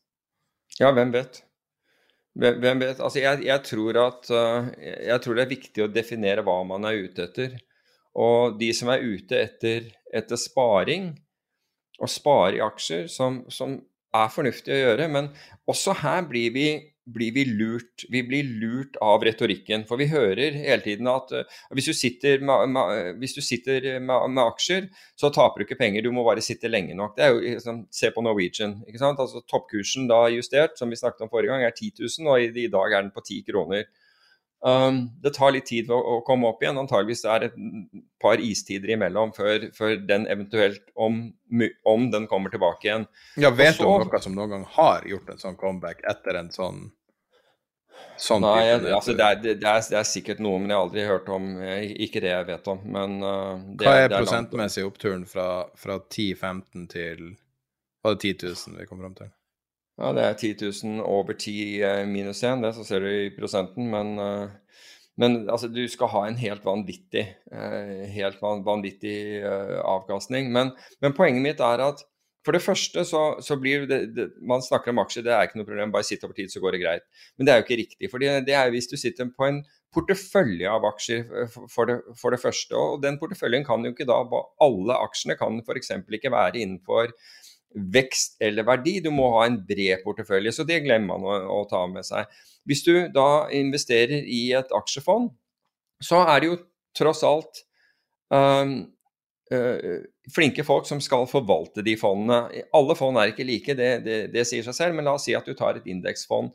Der blir jo de svake aksjene byttet ut med de sterkere aksjene. Så aksjer som Norwegian var vel eh, på et eller annet tidspunkt en del av indeksen, og etter hvert som den blir svakere, så tas den ut av indeksen. Så det krever på en måte at den porteføljen da oppjusteres på den måten. Altså den, den den administreres. fordi det er en, altså Til tross for at det er indeksforvaltning, så foregår det en, en aktiv forvaltning. fordi indeksen er, Den indeksen vi hadde for to år siden, er ikke lik den, eller ett år siden, er ikke helt lik den indeksen vi har i dag. Og så, og så, går det på denne her, Det er ingen som har tatt penger hvis de har sittet med aksjer. og det selvfølgelig, Det lenger du kommer i en, oppgangsperiode, og denne her har vært lang fra 2008 til nå, det, det lenger du, du, er i en oppgangsperiode, så det mer hører du at det er ingen som har tatt penger på aksjer hvis de har sittet i ti år, og så hører du fem år, og til slutt så har du, ikke, har du inntrykk av at det er ingen som har tatt penger på aksjer hvis de har sittet i, i, i mer enn to timer. Men poenget er at La oss si at du kunne sitte med Altså sitter du med aksjer i ti år, så er du garantert gevinst. Er det en sannhet? Er det en uangripelig sannhet? Nei, det er ikke det, fordi Japan har da Altså, det, der toppet aksjemarkedet seg i slutten av, av 1989, altså årsskiftet 89-90. Og, og, det har ikke kommet opp dit siden. Så du kan si det er ikke en universell sannhet. Så da må man begynne å tro på at ah, så Norge er, det, er, et unikt land, tror vi det? Tror vi at Norge er separert nå fra resten av verden, slik at det, dette bare gjelder i Norge? Ja, men du ser Børsene stiger hvert år. Nei, altså Dubai toppet vel ut for fire år siden, bare for å ta et, et marked. Altså Poenget er at folk kaster ut disse Det, det er ikke halvsannheter engang, for det, stemmer ikke. Fordi du finner markeder som ikke har, har oppfylt de, de kriteriene. Tror jeg at hvis du sitter på aksjer over tid, så vil du tjene penger? Ja, det gjør jeg. Det tror jeg, for jeg tror det vil være økonomisk vekst. Jeg tror verden er slik at det vil være økonomisk vekst. Så jeg tror at du kan gjøre det, men kan jeg garantere at du ikke kan bli sittende i ti år uten å få tilbake pengene dine? Nei, det kan jeg selvfølgelig ikke gjøre. Så man må ta, ta ting litt med, altså litt med fatning, og ikke bare høre på disse etablerte sannhetene blir, blir, slengt ut. For det er ikke sånn. Og um, Men en, en greit startpunkt er vel kanskje å starte med Intelligent Investor, f.eks. En sånn bok. Ja. Benjamin Gray. Ja, altså, prøv, ja, nettopp. Altså, prøv å, å få, få, en litt, litt, oversikt. Og altså de, de lange pengene som, som, kan tåle en tilbakegang på hva var vi var? Vi var vel ned 65% på det verste i 2008, som kan tåle en sånn nedgang uten at du mister appetitten og, og, og, og livsly, eh, livslysten. Ja, ok, da, da, har du en, da har du antageligvis den rette, den, den rette porteføljen. Men det finnes jo noen etablerte sannheter, sånn som at øh, å eie lenge er mer, generelt mer profitabelt enn å eie kort. Altså hvis du trader, så har du lyst å trade bort en del av oppsida med å gå inn og ut. Ja, det kommer an på hvordan, du gjør det, men det, det, tror jeg nok er riktig. Altså, for det første har du høyere kostnader. Så det kommer egentlig an på hva du forsøker å oppnå med, med porteføljen, og hvilken tidshorisont du har. Uh, skal man kjøpe aksjer nå, eller skal man vente på, på en korreksjon f.eks.? Altså, hvis, hvis du venter på en korreksjon, så kan det være at du venter for lenge. Altså, F.eks. I, i fjor vent, markedet falt 30 men du, du så etter 50 Ok, da gikk du glipp av hele den, den oppturen som kom, kom, etterpå. Så Og det er mange sånne Hva skal man si? Det er fælt å si løgner, men, men, men, ja, men det er jo tr de er, truisms i markedet. Det er jo masse, ja, masse truisms som, som så, høres så veldig si bra ut. ingen av oss Ingen av oss vet hvor markedet ender på slutten av året. ikke sant? Så når man da gjør, hvor, når, når medier ringer og spør hva vil indeksen være på slutten av året, ikke sant? Altså, det, er, det er bare flaks. Det er ingenting med noe annet å gjøre. Ingen vet hvor det skal være. Og eksempel hadde du da stilt det, det spørsmålet i desember i, eh, i 2019, altså på slutten av 2019 og så stilte du det, så, så, hadde kanskje noen sagt at jeg tror børsen skal opp x antall, eh, x antall prosent. Still dem det samme spørsmålet da børsen var ned 30 uh, eh, noen måneder senere. Kan jeg love deg at de ikke trodde at den skulle dit igjen. altså. Da, da hadde de sannsynligvis et negativt syn. Korona er et altså. perfekt eksempel på hvor vanskelig det er å spå. Hvem kunne spå at det skulle komme en sånn jævla pakke til? Ingen, ja, ingen kunne se det der komme, at det skulle vært så aggressivt. Nei, altså, Steve Cohen mente at, at uh, han, han, han, trodde at Fed ville komme inn og, og, og gjøre noe med det. og spe, Spesielt under Trump, fordi han så kun på Dow Jones. Så han trodde at, uh, at, uh, at noe, noe, ville i hvert fall skje. Men, men, poenget mitt er at om du skal kjøpe i dag eller i morgen Jeg har ikke peiling, jeg. Jeg har ikke peiling. Altså, jeg tror at så Hvis du skal inn i markedet, så forsøk å, å, å gjøre det over en, en, viss tid. Ikke det at du nødvendigvis gjør det over en veldig lang tid, men, men, men skaler deg inn slik at du, at du, um, at du, du får, en, får, gjennomsnittskursen over en tid. Det, det, er helt greit. Og ikke ta for stor, stor um, ikke ta for stor risiko. Og så er det vel en grei, grei idé å ha uh, mulighet til å uh, ha en asymmetrisk avkastningsmodell. At du, du, risikerer mindre enn du kan tjene. Sånn på generelt grunnlag. Ja. Ja, ja nei, det, det, du kan si at hvis du har short volatilitetsmodeller, så, så gjør du det motsatte. Men da, da tjener du oftere penger enn du, enn du, taper. Og det du må sørge for, er ikke gå på de store tapene. Det er liksom det hele, hele poenget med disse modellene. Uh, så det er mange, mange, typer modeller. Men i dag så fin, finnes det, for det er folk som også spør om hva Altså hvis vi ikke hele tiden skal være avhengig av aksjemarkedet skal stige, eller, eller vi tror at markedene skal falle, da hva, gjør, altså, hva kan vi gjøre som uh, privatpersoner da? Og da finnes det ETF-er som lar deg, hvis, hvis, du ønsker det, da, lar deg gå short markedet eller, eller trade markedet på andre måter. Det finnes ETF-er som er kombinasjon av, av indeksfond og opsjoner, og det finnes mange forskjellige ting du kan gjøre. Men igjen, du må lære deg disse tingene. Det er ikke noe du, du, du, du tar bare rett ut av lufta. Men det man kan Så, si, basert på all, all historikk, all common knowledge, all eh, anekdotisk bevis, så slår ikke investorer indeksen over tid. Sånn at like greit så kan du bare kjøpe indeksen via NTF? ikke det? ja, altså de aller fleste kan absolutt gjøre det. Og du kan si at hvis du skal se til de som virkelig skaper Det er, det er to grupper som skaper virkelig meravkastning. Det er de som har informasjon, som, altså som klarer å få tak i unik informasjon. Være seg om det er lovlig eller ulovlig, det vet jeg ikke. Men liksom det er noen som klarer å, å, å få unik informasjon. Men de gjør sannsynligvis en ganske betydelig innsats for å gjøre det. Og det andre er de gode algoritmiske handlerne. Men det er en ganske god overgang til neste tema, da? ikke det? Jo. Det er kommet resultater fra et par high frequency-aktører. Ja, i forrige, i forrige, uke så kom, eh, så kom eh, DRW og og, og, Jane Street. Det er begge high frequency-tradere i uh, altså De er jo globale, da, men de, de sitter i, i, USA. De kom med, med, sine resultater. og Resultatene, og, dette snakket vi om i fjor. altså Hva gjør du hvis du ikke altså hva, Folk lurte på hva, hvordan man kunne beskytte porteføljene. Og Det vi vet, er at high frequency-tradere tjener på økt volatilitet. Altså mer svingninger i markedet, så tjener de mer penger. Fordi dette er marketmakere som kan stille da bredere spredder og få bedre betalt for sine tjenester. Og du har, du har, du har to som er børsnotert. altså eh, DRW og, og, Virtue. Og, og, hva sier du? Virtue. Ja, nei, ja Virtue er, eh, og, Flow, og, og, og Flow Traders er, eh, er, bør, er, børsnotert. Men det er W og, Jane Street de er ikke børsnoterte. Men deres, de økte både inntekter og bunnlinje med over 50% i fjor. Og de er marketmaker i jeg, jeg, tror ikke de er i valuta, eh, de to. Jeg tror de, det er kun der er aksjer, future, opsjoner og ETF-er også inkludert uh, rente-ETF-er, hvor, uh, hvor, Jane Street hadde tjent veldig mye, mye penger i fjor. Blant annet på, det, det, var jo kaos i rentemarkedet en stund uh, i USA. og De klarte da å utnytte, å utnytte det. Altså, det er ganske interessant å, å se at at de mulige Altså, de er i stand til å justere seg, selv om markedene plutselig blir altså Nettopp pga. Av, algoritmene sine. For øvrig, Jane Street-folkene de tror jeg kom ut av Susquehanna.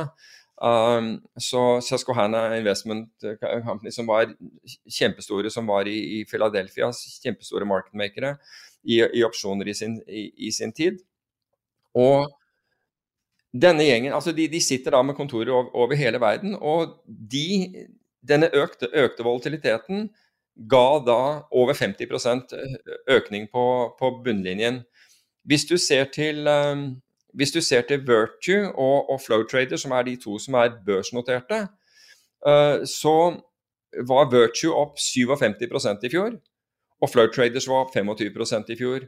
Og i år, hittil hittil i år så er Virtue opp 14% og Flowtraders opp 36% Så de gjør, det, de gjør det fortsatt bra. Det er fortsatt nok svingninger i, i, markedene til at de gjør det bra, men det er på en måte en OK hedge å ha til hvis det plutselig begynner å, å svinge eh, stort i markedene. Da, og, og, dette er lynhurtige handlere, og de fikk veldig fokus på seg. Altså, egentlig så fikk, det var, det var, jo det at bankene fikk forbud mot å drive egenhandel etter, eh, etter finanskrisen som åpnet dørene for disse private aktørene til å, eh, til, til å ta store, store eh, markedsandeler. Uh, og så har man andre selskaper som vi har hørt om, som, som Citadel, som er i det markedet, som jeg er helt sikkert også sikker på gjorde det bra. Men i forrige uke så var det litt interessant fordi uh, i forbindelse med Robin Hood, så er jo modellen deres at du får um, gratis Altså du betaler ikke kurtasje. Og modellene, og, unnskyld, og alle ordrene i Robin Hood går da via Citadel og via disse marketmakerne. Virtue er eh, sikkert en av dem også, men Citadel er den, er den største. Og så er det hvorvidt denne og, og det Robin Hood gjør, eller det Citadel og Virtue gjør, det er at de betaler Robin Hood for denne flowen. Altså de betaler for at, at Robin Hood skal sende ordrene deres til, til disse marketmakerne. Og det marketmakerne må gjøre da, er at enten, hvis de kan gi en bedre pris, så selvfølgelig så får uh, kunden utført bedre pris enn en, uh, en, en børsen. Uh, så, får, så får kunden den. Hvis de ikke kan gjøre det, så må de sende den. altså Dette går lynfort. Dette går på, på millisekunder, så går ordren til, til markedet. Men poenget er at man betalte nesten 3 milliarder dollar for denne type ordreflyt i, i, fjor, så den er ganske verdifull for Citadel og disse, disse marketmakerne.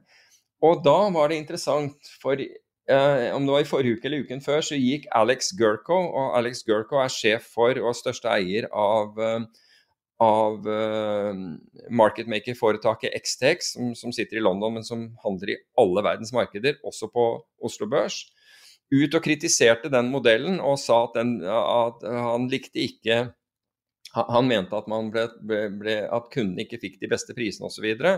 Nå skal det sies, bare for å forsvare akkurat det at ikke kunden får eh, de beste prisene, den prisen som de må slå, er den som er på det de kaller national tape. Altså det, det, er, en, det er, en, konsolidert feed fra børsene.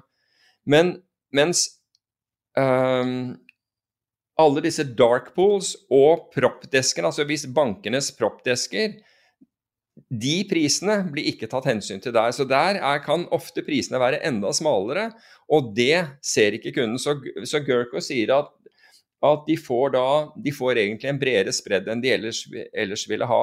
Og Det kan godt hende. Og denne kritikken rundt det har gjort at den nye sjefen for amerikanske finanstilsynet, Gary Gensler, har, har, begynt å se på dette. Det der er et interessant poeng, fordi det finnes ikke beviser for at det faktisk er predatory. der. Altså det, Man vet at det høres sånn ut, og det høres ut som det er for dårligere priser. Men jeg har aldri sett noe bevis for at prisen vil være merkverdig dårligere. Eh, sånn at kunden er ikke sikkert de oppdager noe av det.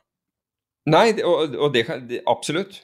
Absolutt kan, kan det være. Men, men, jeg måtte jo smile litt når jeg så Gerko gå, gå ut der, fordi Gerko, altså Xtex betaler Altså, de gjør de er store innenfor valuta. Du, du har direkte forbindelse med dem, slik at hvis du, hvis du er stort foretak, så kan du få feeden, eh, så kan du få priser direkte fra XTX.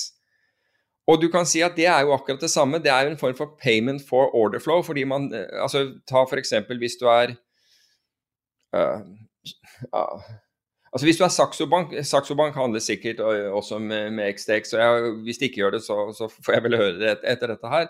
Men der deler man gjerne på, på, på spredden, slik at det er en, det er en betaling også for det de gjør um, når de stiller priser til kunder. For de vil gjerne ha direktekunder. Um, fordi direktekunder er det mindre sjanse for at du får en, en, en, en, en hai da, som, um, som, vet hvor markedet ligger til enhver tid, som er ultrarask. De vil du ikke ha. Du vil ikke ha liksom en annen tilsvarende uh, aktør blant kundene dine, fordi da vet du at den eneste gangen de handler, det er når din pris er feil. Fordi den henger f.eks. to millisekunder bak, eller et eller annet sånt. Det er den eneste gangen de, de, de, til, de, handler med deg. Den kunden vil du ikke ha. Så du vil gjerne ha det vi kaller reelle kunder. Da. Du vil gjerne ha kunder som f.eks. norske Equinor eller et eller annet sånt, som har, har business å gjøre, og som trenger å gjøre den businessen og ikke forsøker å lure, uh, lure marketmakeren uh, fordi de har, de har, forhåndsinformasjon. Så det var litt artig at han er den som går ut og, og kritiserer det, men, nå, men det er ikke, det er ikke XTX-type aktivitet som Eh, som eh, det amerikanske finanstilsynet skal se på. Men de skal se på denne Robin Hood-modellen rett og slett fordi de sier at hvis noen er villig til å betale omtrent 3 milliarder dollar et år for å få tilgang til, til priser som da eh, som, som, da de må enten bedre, altså de må enten gjøre det be, stille en høyere kjøpskurs enn det børsen gjør, eller en lavere en, for at, for at de, de, skal kunne ta den, ellers så må de sende til børs. Så de, de, må stille en bedre kurs og allikevel betale 3 milliarder for det. Det, det, det, det henger ikke på greip. Og jeg skjønner jo at, at han lurer litt der. Men, men, det er i hvert fall I fjor for øvrig så Goldman Sachs på, i, Man snakket om at rentemarkedet var i kaos i, i, fjor. De hadde den største inntekten fra rentetrading fra trading i rentemarkedet i fjor på, på ni år. Så noen tjente voldsomt på de svingningene som var. Og jeg husker Financial Times skrev om det kaoset som var i rentemarkedet, altså det amerikanske rentemarkedet. Men eh, det var noen som tjente godt på, godt på, det kaoset, for å si det på den måten. Ja, jeg sitter og ser etter de tallene. Jeg vet vi har diskutert de tallene eh, fra om hvor, akkurat hvor stor uh, Citadel var i kjøpene av Flyt, men jeg har, jeg har, dem ikke foran meg. Men de var den største aktøren, og så eh, Den største selgeren tror jeg var Schwab. og de har fortsatt større volum, da. Eh, selgeren av flyt. Så mm -hmm. det virker som alle nettmeglere, også Schwab, gjør det, ut fra det jeg husker. Men et annet, en veldig stor del av flyten fra Robin Hood er opsjoner. og um, litt overraskende for min del, mulig at uh, det var ikke overraskende for deg, men at volumet nå på fredag på opsjoner som forfalt, var det nest høyeste i historien, kun slått av uh, det vanvittig spekulative rallyet som var i januar i år. Mm -hmm. så 818 milliarder dollar, det var Goldman Sachs som skrev en analyse på fredag. 818 millioner dollar av aksjeopsjoner forfalt på fredag, og altså Den totale åpne interessen er på 3000 milliarder dollar, som også er det høyeste nivået uh, i år utenom januar. Uh, med basically veldig, veldig mye opsjoner. Lages, selges og spekuleres i. Så litt overraskende er vi ikke ferdig med den monsterspekulasjonsboomen. Uh, den påpeker ingen av de her kjent, velkjente meme-aksjene. Mm. men det ligger vel litt i kortene at mye av de her opsjonene er knytta til det. Ja, en, en, god del av det tenker jeg. Fordi, og, og de har jo fortsatt uh, å være volatile, om ikke så volatile som, som, tidligere i år. Men volatiliteten har jo falt ganske kraftig, og den falt jo uh, Bixen falt jo godt under, under 20, selv om den kom seg opp igjen uh, på, på, fredag i og med at markedet så begynte, begynte å, svekke seg. Og det har vært nok til det at, at en, en storbank som JP Morgan har sagt at de, de, forventer 38% lavere inntekter fra trading i år oh, wow. enn en, en i fjor. Så Jamie, Men selvfølgelig, fjoråret var jo helt ekstremt, så Ja, nettopp. Og, og, da utnytter disse bankene eh, det å tjene veldig mye penger. Men han gikk da ut med, med en form for uh, profit warning. Så, men apropos dette med analyse, og for så vidt også dette med high frequency. fordi Jeg nevnte så vidt Susquehanna, som var veldig tidlig ute med med algoritmisk eh, handel. Men de, de, de, hadde jo en sånn veldig grundig tradingopplæring um, som, som, gikk på sannsynligheter. Og hele tiden så skulle traderne, altså de drev innenfor opsjoner, og gjøre det som følger sannsynligheter. Det var det, var det aller viktigste. Så eh, jeg, jeg, så eh, og Sjefen der, Jeff Jazz, han, jeg så et sitat fra han som sier at traders who make losing bets for the right reasons are favored over those who get lucky behind uh, get lucky betting against the odds. Så han ville ha tradere som fulgte planen. Og selv om de tapte penger, så lenge de fulgte planen, så ville han altså det var folk han ville ansette, enn de som plutselig eh, som gikk mot alle odds og, og, og, og var, var, heldige. Og, mens det du får inntrykk av i, veldig ofte fra media, det er jo en av han som har tatt en vanvittig risiko, og så ble, og, og så gikk den inn. Og dermed så får du inntrykk av at jøss, det er jo bare å ta mye risiko, så, så, så, går det bra til slutt. Men det forteller ikke noe om alle de som det ikke gikk bra for, dessverre. Det må vi jo alltid huske på. Og, og Jeff Jazz han, han, har gjort en vanvittig suksess innenfor, innenfor både poker for øvrig og, og, og trading. Men går det an å si noe om, om volumer i opsjoner? Har det noe betydning? Altså, det er jo veddemål til syvende og sist her. Ja, altså, ja, altså åpen interesse har mye å si, for så vidt. Fordi altså, åpen interesse betyr hvor mange opsjonskontrakter som er åpne på gitte innløsningskurser. F.eks. I, eh, i, i GameStop, hvor denne, denne 700 dollar-streiken, eh, altså innløsningskursen, hadde største volumet av åpne opsjonskontrakter. Og da jeg var marketmaker i opsjoner, både i, i aksjer og, og, senere i valutaopsjoner, så var vi interessert i å vite um, For brokere altså Vi hadde jo linjer hvor, hvor brokere fortalte om, om handler. ikke sant, Så sa at 250 eller 2,5 milliard euro ble gjort på opsjonen opsjon med, med, med, innløsningskurs sånn og sånn, forfall sånn og sånn. Da vil jeg notere ned forfallstidspunktet og hvilken innløsningskurs den hadde. For jeg visste at når vi kom til, til, eh, til det tidspunktet i tid, altså til forfall Hvis vi lå rundt det forfallet, uh, unnskyld, lå rundt den innløsningskursen, så kunne det være en magnet på kursen. Fordi det betyr at noen må, må, må sikre seg, noen har, har, har, det motsatte behovet. Så du må prøve å finne ut hvem er den som har den sterkeste Hvem er det som har de sterkeste hendene på, på det nivået. Men hva med markedet som helhet? For det her er jo markedet som helhet at det er rekord.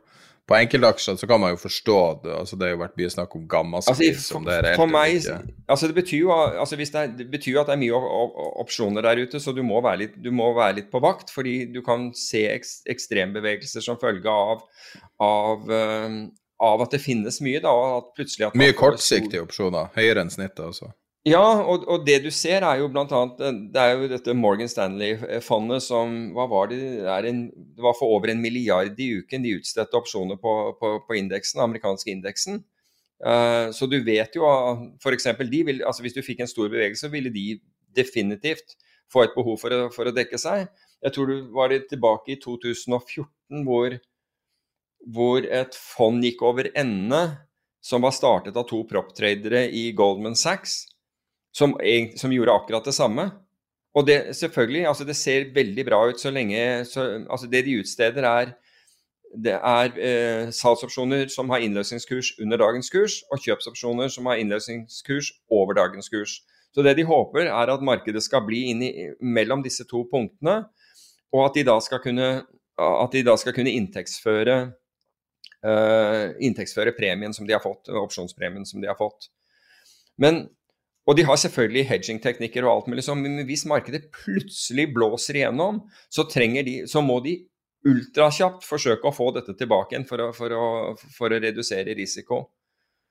Og, det, og, markedet, dessverre, så har det med det altså Etter hvert som disse mer og mer penger kommer inn i slike fond, fordi det ser jo ut som det er en bankkonto. altså den, Det vokser jevnt og trutt så lenge det ikke skjer. Det er en nordmann som har holdt på med dette her også, og gått over ende et antall ganger og tatt med seg investorer eh, i, på godt norsk i dass eh, hver gang. Um, så, så, lenge dette går bra, så ser det ut som de rett og slett trykker penger. Og så får du en voldsom en à la XIB. Plutselig så får du en sånn voldsom smell. Pennis foran en dampveivals. Ja, det er jo penis foran en dampveivals, men det kan du se alle short uh, volatilitetstrader er på en måte penis foran en, en dampveivals. Og hvis du ser på Jeg så en, en, oversikt som var gjort over Det var noen som hadde gjort det de kaller sånn principal component analysis over, over um, over uh, avkastningen til, til hedgefond. Og da mente man at nesten to tredjedeler av hedgefond for, altså avkastningen deres kunne forklares med long aksjer, short volatilitet og en short volatilitetskomponent. Og det vil si at, at når, når, du bare ser på, på, avkastningen, så vil ikke den komme frem før det skjer noe. Og Jeg husker et, et uh, New York hedgefond hadde akkurat uh, som et Occamers Capital, som jeg, jeg, tror jeg har nevnt dem en gang tidligere. De kjøpte aksjer, men utstedte også salgsopsjoner på aksjer. Slik at hvis markedet korrigerte tilbake igjen Og det de sa, var at da fikk de aksjer til en billigere kurs, da, så, så, det var på en måte en bra ting. Da fikk de kjøpt aksjer til en billig, billig kurs. Ja, bortsett fra at når den er på den kursen eller faller videre, da er det ikke så, så gunstig eh, lenger. Og det var akkurat det som, som felte dem. Jeg tror de hadde en tiårs track record. De hadde til og med et av de store eh, Midtøsten-oljefondene inne på, på investorsiden. Og så kommer det da det var, Jeg tror ikke det var 2008, jeg husker ikke om det var 2000-korreksjonen, eller om det Jeg tror ikke det var så sent som Kanskje det var 2008, men jeg tror det var før det. Men i hvert fall en korreksjon ned, og plutselig så var ikke det fondet lenger. Så, så det er viktig å forstå hvordan avkastning eh, skapes. Altså Hvis du kjøper et vanlig aksjefond, så vil, vil, vil, du aldri risikere det. Altså I hvert fall ikke et indeksfond vil du aldri risikere det, fordi de bruker ikke opsjoner, de utsteder ikke opsjoner, bare så det er sagt. Du har ikke noe beskyttelse mot nedsiden, fordi forvalterne kommer ikke til å, å selge seg ut, fordi de skal ha porteføljen i, i indeksen. Og også andre aktivt forvaltede fond også, har også aksjer i porteføljen hele tiden, så de går ikke til null. Det kan de ikke, de har ikke mandat til å gjøre det. og Derfor så, så skal man ikke forvente det, men, men til gjengjeld så får du ikke en sånn plutselig blow-up Eh, i det, med mindre de har Og, og det fins jo det noen, klart noen aksjefond eller som kaller seg vanlige aksjefond, men som også har belåning. Da har du en helt annen, annen situasjon. Apropos, eh, jeg syns det passer litt inn her nå, for altså, selv om det ikke er eh, privatøkonomi. Men et tema som dukker opp veldig veldig ofte nå i det siste, som jeg tror har en større betydning enn vi klarer helt å forstå nå, det er reverse repo-auksjoner som eh, Jeg bruker å publisere det stort sett når det kommer på chatten, og få se um, resultatet av uh, de auksjonene. Um, I det nyhetsbrevet som går ut etter podkasten, så legger jeg også ved et chart som viser oversikten over hvordan reverse repo har utvikla seg. Mm. Og det har skutt i været. Og det har skutt til nye rekorder. Så over natt, altså det som blir lånt ut over natt, er nå altså Det peaka nå nettopp på 755 milliarder. Hva, ja, altså, hva er signifikansen av det? Nei, Det er jo behov for likviditet. Ja, men altså det, til å kjøpe kortsiktige ja, statspapirer. Ja, er, det sånn her, er det sånn her de klarer å, å, få folk til å kjøpe statsobligasjoner? Er det knytta til det?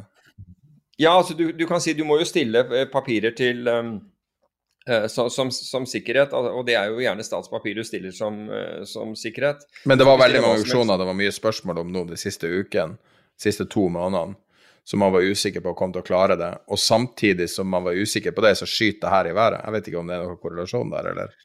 Nei, det, altså det kan jo være at man, at man da stiller jeg, jeg, tror kanskje at du også får, får, stilt en del, i og med at øh, den amerikanske sentralbanken kjøper også boliglånsobligasjoner. Altså de kjøper øh, statsobligasjoner for 80 milliarder og boliglånsobligasjoner for 40 milliarder i året. Unnskyld, i måneden. Um, så er det godt mulig at du, du, får stilt noen av de som, som, sikkerhet. Så du kan si at hvis du stiller de som sikkerhet og da, og da deltar i en statsobligasjonsauksjon, uh, så kan det være det. Eller du kan bruke pengene til noe annet. Jeg vet ikke hvor, hvor, hvor det går, men det er jo et behov for likviditet. da.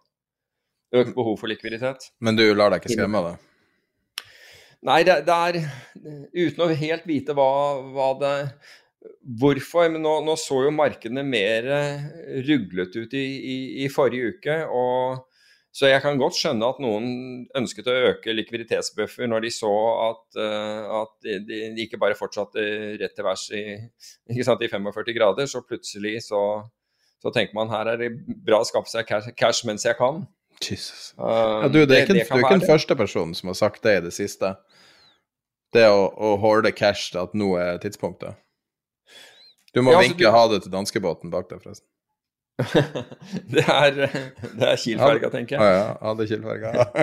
uh, men, men poenget er, det er uh, Altså, vi vet jo aldri hvorfor, uh, hvorfor folk plutselig horder cash, men, men, du kan si at det er jo da du må jo gjøre det når det er billig, og det er akkurat det samme med, når, eh, med, med opsjoner. altså, Da markedet var, var på, på, sitt høyeste, var opsjoner på sitt billigste. Så etter hvert som da markedene kommer ned, så stiger opsjonsprisene. Hvorfor? For jo, fordi det er akkurat som å se på et hus som begynner å brenne. Hvis du ikke har, hvis har brannforsikring, så kommer den til å koste mer. Selv om det er, selv om det er bare gressbrann utenfor huset ditt, så kommer den til å koste mer, mer bare det begynner å ulme. Og er det i full fyr, så, så, så blir, blir, det veldig dyrt. Fredag for ei uh, uke siden så bunna viksen ut på 15 et eller annet. Uh, ja, den, den var kjempelav. Ja, og så skjøt den da opp til jeg tror det var 21 eller et eller annet sånt. Jeg ser, jeg ser på futuren fordi selve viksen uh, uh, Selve viksen er ikke Altså, du kan ikke handle selve viksen, mens du, du enten handler futures eller noen driver og handler ETF-er, men det har jeg aldri gjort. men du kan handle future-kontrakten, så du må se hvor den ligger. Det er ja. den som er mulig å handle. Uh, var, jeg hadde bare spørsmål om reverse repo. Det er sånn tema vi har tatt opp flere ganger, men det er jo lett å, å se seg blind på at grafer går opp, og at de folkene som lever av å spre frykt, sprer sånne ting. Så det er vanskelig å vite signifikansen av det. Så foreløpig er det litt sånn moderat signifikans utover det. skjønner Ja, uh, ja, jeg vil si det. Jeg, jeg, vil si det i hvert fall foreløpig. Det er, ikke, altså, det er sånn I ettertid så kan man se at just det der var smart eh, at man gjorde. På akkurat samme måten som de som kjøpte VIX, eller som kjøpte Future. Futuren handlet vel ned i hvert fall under 18.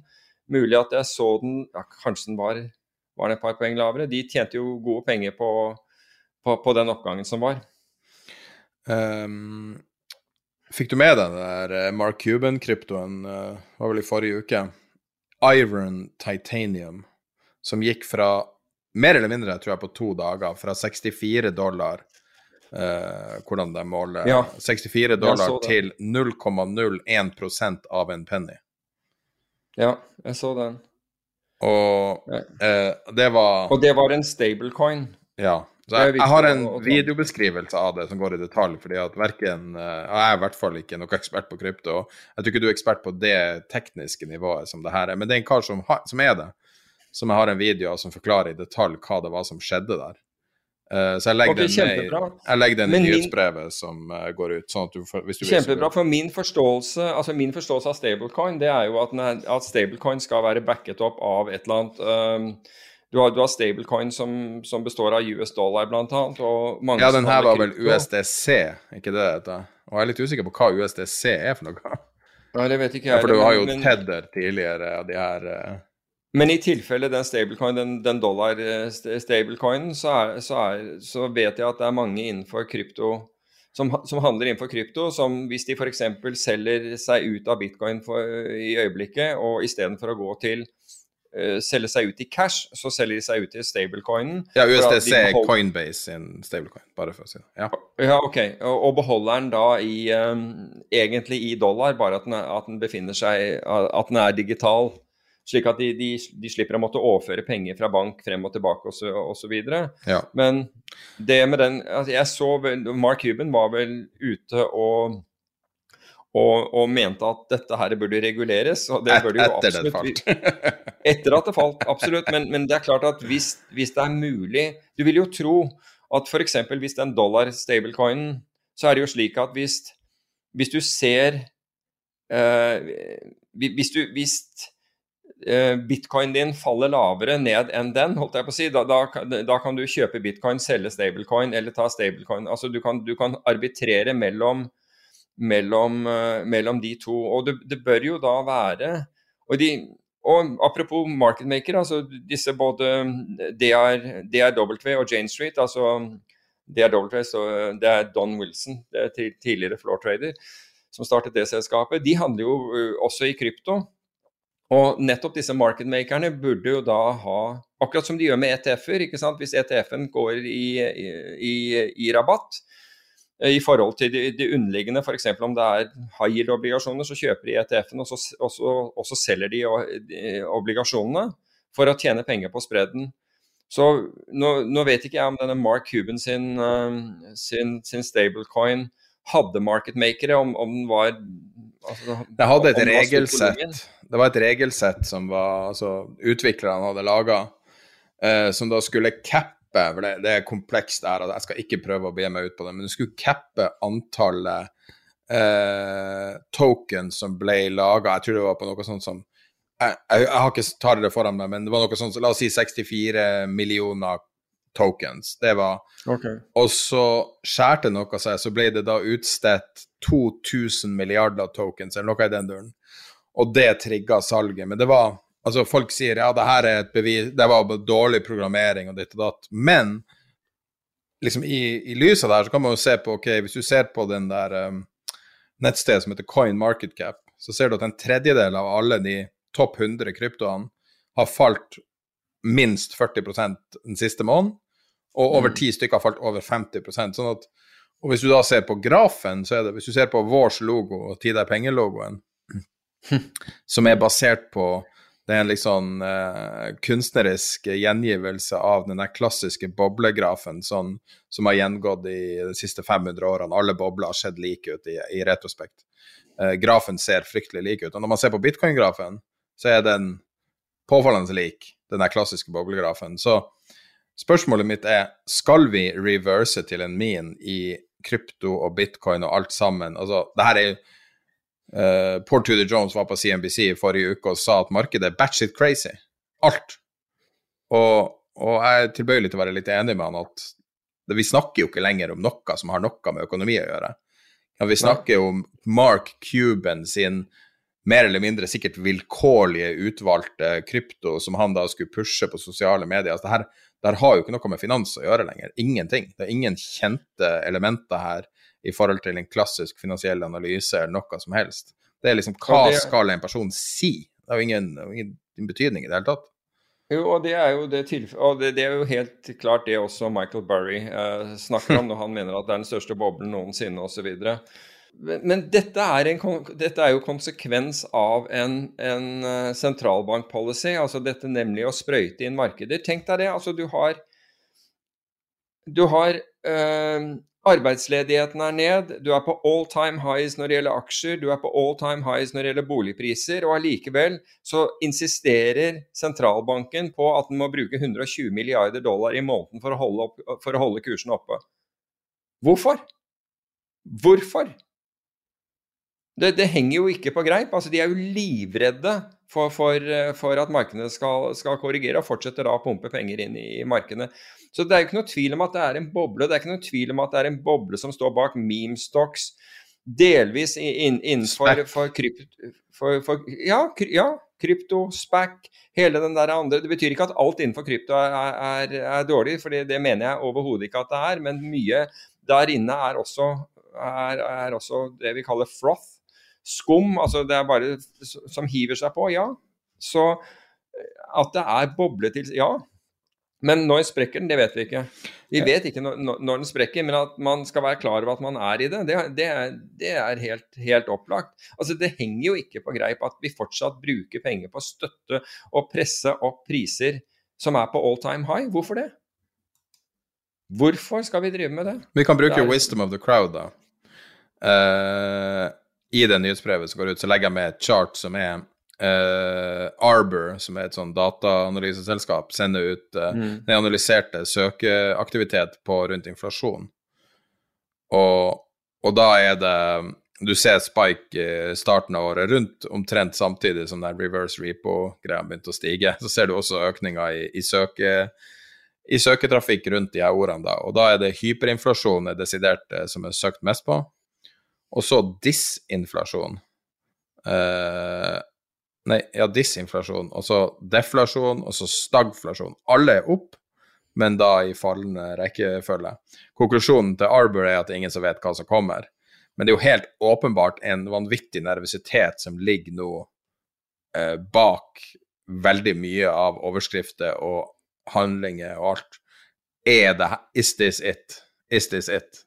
Kommer endelig inflasjonen og tar oss, etter alle de her titalls og tusentalls og hundretusentalls milliarder. Jeg vet, jeg vet, ikke hvor mye det har vært. på. jeg er imponert over hvor, eh, hvor, hvor, stor del av markedet som har tatt til seg, og for så vidt befolkning befolkningen generelt syns det, som har tatt til seg dette uttrykket transitory fra amerikanske sentralbank, altså at dette bare er forbigående.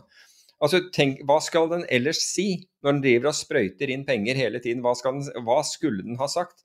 Nei, vi tror at den inflasjonen går helt ut av kontroll. Ja, men hvorfor driver dere og, og pusher penger inn i markedene hele tiden hvis, hvis det er tilfellet? Nei, det er vanskelig å svare på.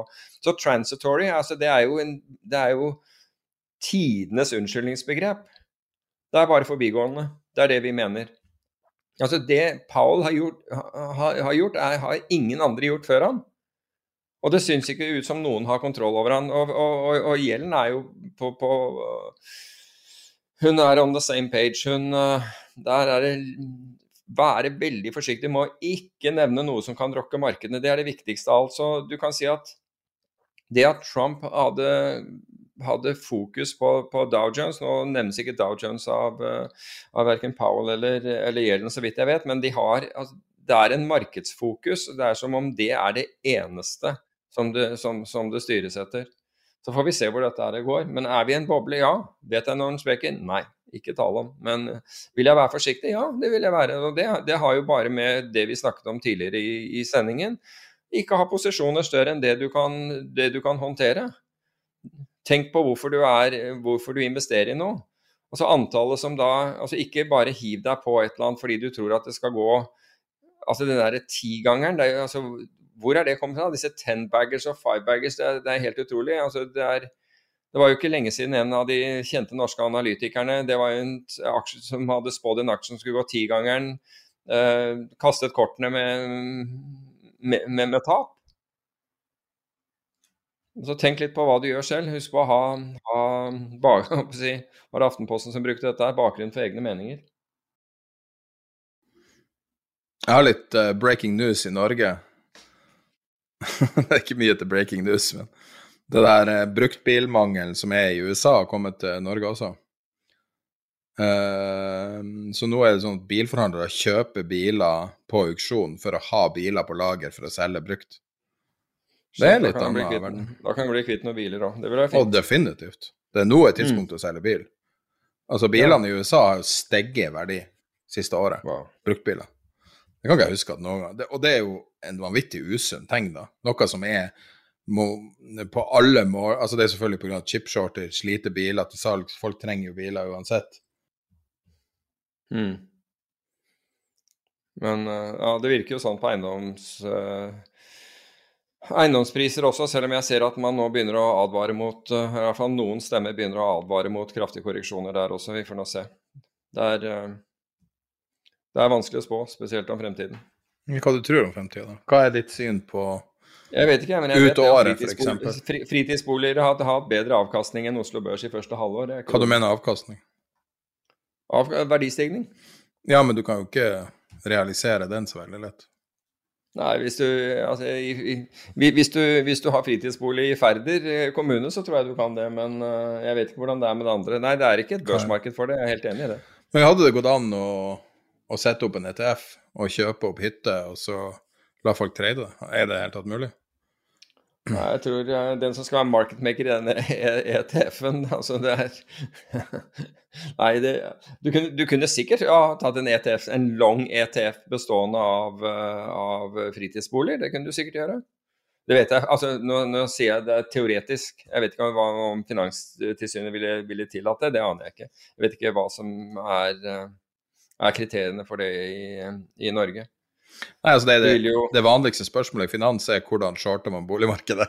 ja, det er, som, det er, faktisk mange som, som, som, spør om det er riktig, det. Men uh, det, er ikke det letteste tingen å gjøre. Det er vel aldri noen som har klart å finne en reell måte å få reell eksponering? Jo, jeg ville gjort swap-spredde, men det, ikke, det, får ikke, det, får jo ikke, de fleste private investorer brukt likevel. Um, så hvis du skulle gjort noe da, så måtte du i tilfelle hatt en ETF med swap-spredder i. Men i og med at swap-spredder er et derivat, så vet jeg ikke helt om det ville være det ville være mulig. Men, men swap-spredder, altså du kan si at uh, alt annet like, så vil et fall i boligprisene medføre et, uh, usikker, altså usikker, økt usikkerhet for bankene, som ikke nødvendigvis gir seg gjeldende i, i, i kursene, men som gir seg gjeldende i høyere lånekostnader for bankene, og dermed går swap-spredene opp. Så swaptions eller, swap, ja, eller et eller annet på swap-spreder. Men uh, det er det jeg ville gjort. Jeg, jeg, sier ikke at det er riktig, jeg bare sier det er sånn intuitivt hva jeg ville gjort. Vi kan jo avslutte med Rentek, da. En, en podkast-favoritt. Som de bruker ja. å si på engelsk, 'friend of the pod'. Uh, Nå vet vel ikke dem at de er friend of the pod, men i hvert fall eh, De har hatt ganske store redemptions i det siste. Eh, 11 milliarder dollar som er trukket ut av Så må jeg også spesifisere at dette er ikke medaljenfondet, det som alle snakker om. Det er en av de Nei, andre fondene. deres. Ja. Ja, de, men det er jo ikke så rart heller, fordi de, de, de har vel tre stykker, og de var ned mellom 16 og 31% i fjor. Og så er de litt opp i år, sånn 6-7% tror jeg. Mens eh, Rentec Medallion var opp 76% i fjor. Så deres eget fond, men det gjør jo helt andre ting, så, så det er ikke sånn Altså, de, de, disse er, en helt annen, annen strategi. Men du ser også, uh, jeg så i altså Apropos innløsninger, og som ikke er på, på Hva du sa, 11 milliarder, var det det det var? Var det det de hadde hatt i innløsninger? Ja, så hadde, så For øvrig så trakk Los Angeles eh, Fire and Police Pension Fund ut 500 millioner dollar fra Bridgewater. Og syns ikke at, eh, at de hadde gjort eh, jobben bra nok. Og Jeg må jo også si det der at når renten falt ned mot null, og Bridgewater følger, altså ikke endrer strategi, med andre ord at obligasjoner får en helt annen Altså har en helt annen uh, ja, funksjon og utvikling vil, vil få det når du, når du kommer da ned mot, eh, mot null, og for de som gikk lavere enn null. Uh, med andre ord at Du må gjerne forklare Da- hvorfor. da- da. Hvordan det Rett og slett fordi det- altså det, det Bridgewater gjorde, det var at de eh, at de hadde porteføljer bestående av Eller du kunne velge selv, men porteføljen i utgangspunktet besto av aksjer og obligasjoner. Og for å få de likeverdige i forhold til risiko, dette snakket vi om litt tidligere, det, aksjer svinger mye mer enn obligasjoner, så belånte man obligasjoner for å komme opp i den samme svingningsgraden, samme volatiliteten, som aksjer.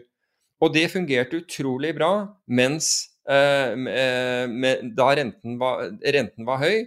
Fordi når aksjer falt, så steg eh, så, så, så falt renten, og med andre ord obligasjonskursene steg. Og pga. giringen så fikk de veldig god effekt på det. Men, men den effekten blir stadig mindre etter hvert som du når eh, eh, the zero bond, altså, altså nullstreken da, da blir den, og, og tvert imot så får du da et instrument som nå har en helt annen volatilitet. altså Hvis det kommer noe skift nå, så har det en helt, annen volatilitet. Men det, for meg så virker det som de satt statisk med denne allokeringen, og da når da og dermed så virket den ikke lenger. altså Når du da, når du, når du da kom helt ned mot null, så, så virket rett og slett ikke eh, strategien, og de begynte å tape penger. Og da ble også tapene større enn det man hadde man, man, man forventet. Så jeg var veldig forbauset over å se altså verdens største hedgefond, altså, som, som, Bridgewater er. Uh, og du må jo liksom presumptivt så er det jo de smarte, eller veldig mye smarte mennesker her, så jeg vet ikke hvem jeg er som, som stiller spørsmål ved det. Men jeg var veldig forbauset over at strategien ikke ble justert når, når, man, når, man, nærmet seg null på renten. Kanskje de ikke er så smart? Jeg tror de er det, men, men hvis du går og det, Jeg sier ikke at de havnet i det, for det vet jeg ikke. Men hvis du, hvis du ser på en del andre uh, forvaltningsforetak, når de har gjort det bra over tid, så skjer det en eller annen form for hubris der. Og det gjør at man blir ikke så aktiv med det man gjør. Man stiller ikke spørsmål ved, ved det man gjør. Og man har også hatt norske uten at de trenger å gå inn på hvem det er, så, som gjorde akkurat det samme. Verden endret seg, men de bare beholdt strategien. Du hadde et svensk rett som gjorde akkurat det samme, og som da sa at ja, men vi har sett på langsiktige, dette over lang sikt og regnet på dette over lang sikt, og vi, har, vi, vet vi har rett. Ja, men Det hjelper ikke å ha rett i 100 år, for det er ingen som gidder å sitte og tape penger i, i, i fem eller ti år i påvente av at, at dette skal korrigere seg om 90. Ja, det blir jo, Det nå er det jo bokstavelig talt Kristiania-krakket du beskriver. så det er mulig. Ja, men- det er ja, mulig å ja, komme tilbake mulig. selv fra det. Det, det er mulig å komme tilbake, men poenget mitt er at investorer har ikke den tålmodigheten. Og de blir hele tiden sammenlignet altså, du- De sammenligner fondet ditt med, med det beste fondet som er der ute. Og selgere fra det beste fondet i dag ringer nettopp til fordi de ser at ditt fond gjør det dårlig, så de ringer til alle kundene i ditt fond. Og sånn er det, ikke sant, og påvirker de. Og, og sånn er det, og dermed så er det veldig lite altså Ta, ta f.eks. de som satt på som, som vi er vi, så aktive forvaltere, men, de, men de, de satt med verdiaksjer. De gjorde dårligere enn en vekstaksjer i år etter år etter år etter år. og Det hjelper ikke å komme på generalforsamling og si ja, men vi, vi gjør bare verdiaksjer. Dere er et aktivt forvaltet fond, gjør noe. Det er liksom, Gjør noe med, med, med situasjonen. Du kan ikke si det i år, altså, år ut og år inn uten å forvente at investorene trekker ut penger. Da, men da er det investoren. Da hjelper det på en måte ikke å kalle seg et aktivt fond, fordi da er det det aktive nivået ligger på investoren, hvorvidt de skal tegne eller, eller innløse, innløse, fond. Da overlater du til Den aktive parten det er investoren, og den passive parten er, er, fondet. Men jeg tenker jo hvis et fond markedsfører seg som et aktivt fond, så, så vær aktiv, da. Vis at du er det. Ikke, ikke, ikke vær aktiv med 3% av porteføljen og 97, den andre 97 er i indeksfond. Og så, tar tar du deg 2 eh, betalt fordi du er et aktivt fond, 2% i året. Meningsløst. Uh, nå er vi ganske tett på to timer, og det er grenser vi prøver å ikke, vi prøver å ikke overstige. Bare si siste tingen. Jeg vil ha en kjapp reaksjon på noe vi ikke har diskutert siden det kom. Jeg skjønte ikke hvorfor de kalte Biden the six trillion dollar man. Jeg trodde det var kombinasjonen av alle de pakkene som jeg tror er 6000 milliarder dollar.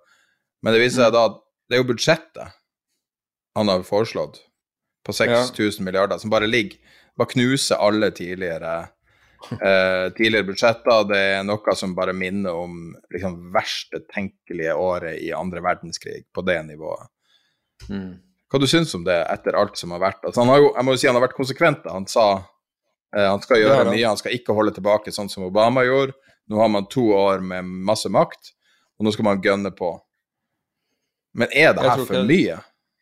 Ja, jeg, det, jeg, tror det er for mye. Jeg tror også han vet at det er for mye. Jeg tror ikke han forventer at det skal gå gjennom heller, fordi republikanerne kommer til å sable dette her ned. Så jeg tror ikke, så dette er kanskje en form for ankring, altså hvor du prøver å ankre et stort beløp eh, slik at, eh, at uh, forhandlingen på en måte havner på, på et akseptabelt sted. Ja. Det er, det er ganske solid analyse, tror jeg. Vet du hva gjelder i USA akkurat nå? Nei. 28 000 Hva det var, herregud, million, milliard 28 000 milliarder. 28,4. Ja. Eh, det er ikke så veldig lenge siden vi hadde snakka om at det var 27. Ja. Ikke mange episoder siden. Det går, det går fort. Det går fort, altså. Det går fort. Uh, 226 000 dollar per skattebetaler. det er jo også i seg sjøl en annen ting som er sånn ekkelt med amerikansk økonomi, er jo hvor, hvor mange som ikke deltar. Mm. Altså hvor mange som ikke er arbeidere, hvor mange som faller utenfor arbeidsklassen og sånn. Nei, det det er litt ubehagelig. Men um, da tror jeg vi avslutter her, og så sender jeg ut nyhetsbrev rett før eller rett etter episoden går ut. Uh, sannsynligvis etterpå. Og, og, da vil bl.a. inkludere en del linker som har blitt omtalt, og en video hvis du har lyst til å forstå litt mer av det kryptokrasjet, bl.a., og, og litt sånn forskjellig som uh, på, altså ting som er knytta til det som ble snakka om i dag. Da er vi tilbake om ei uke.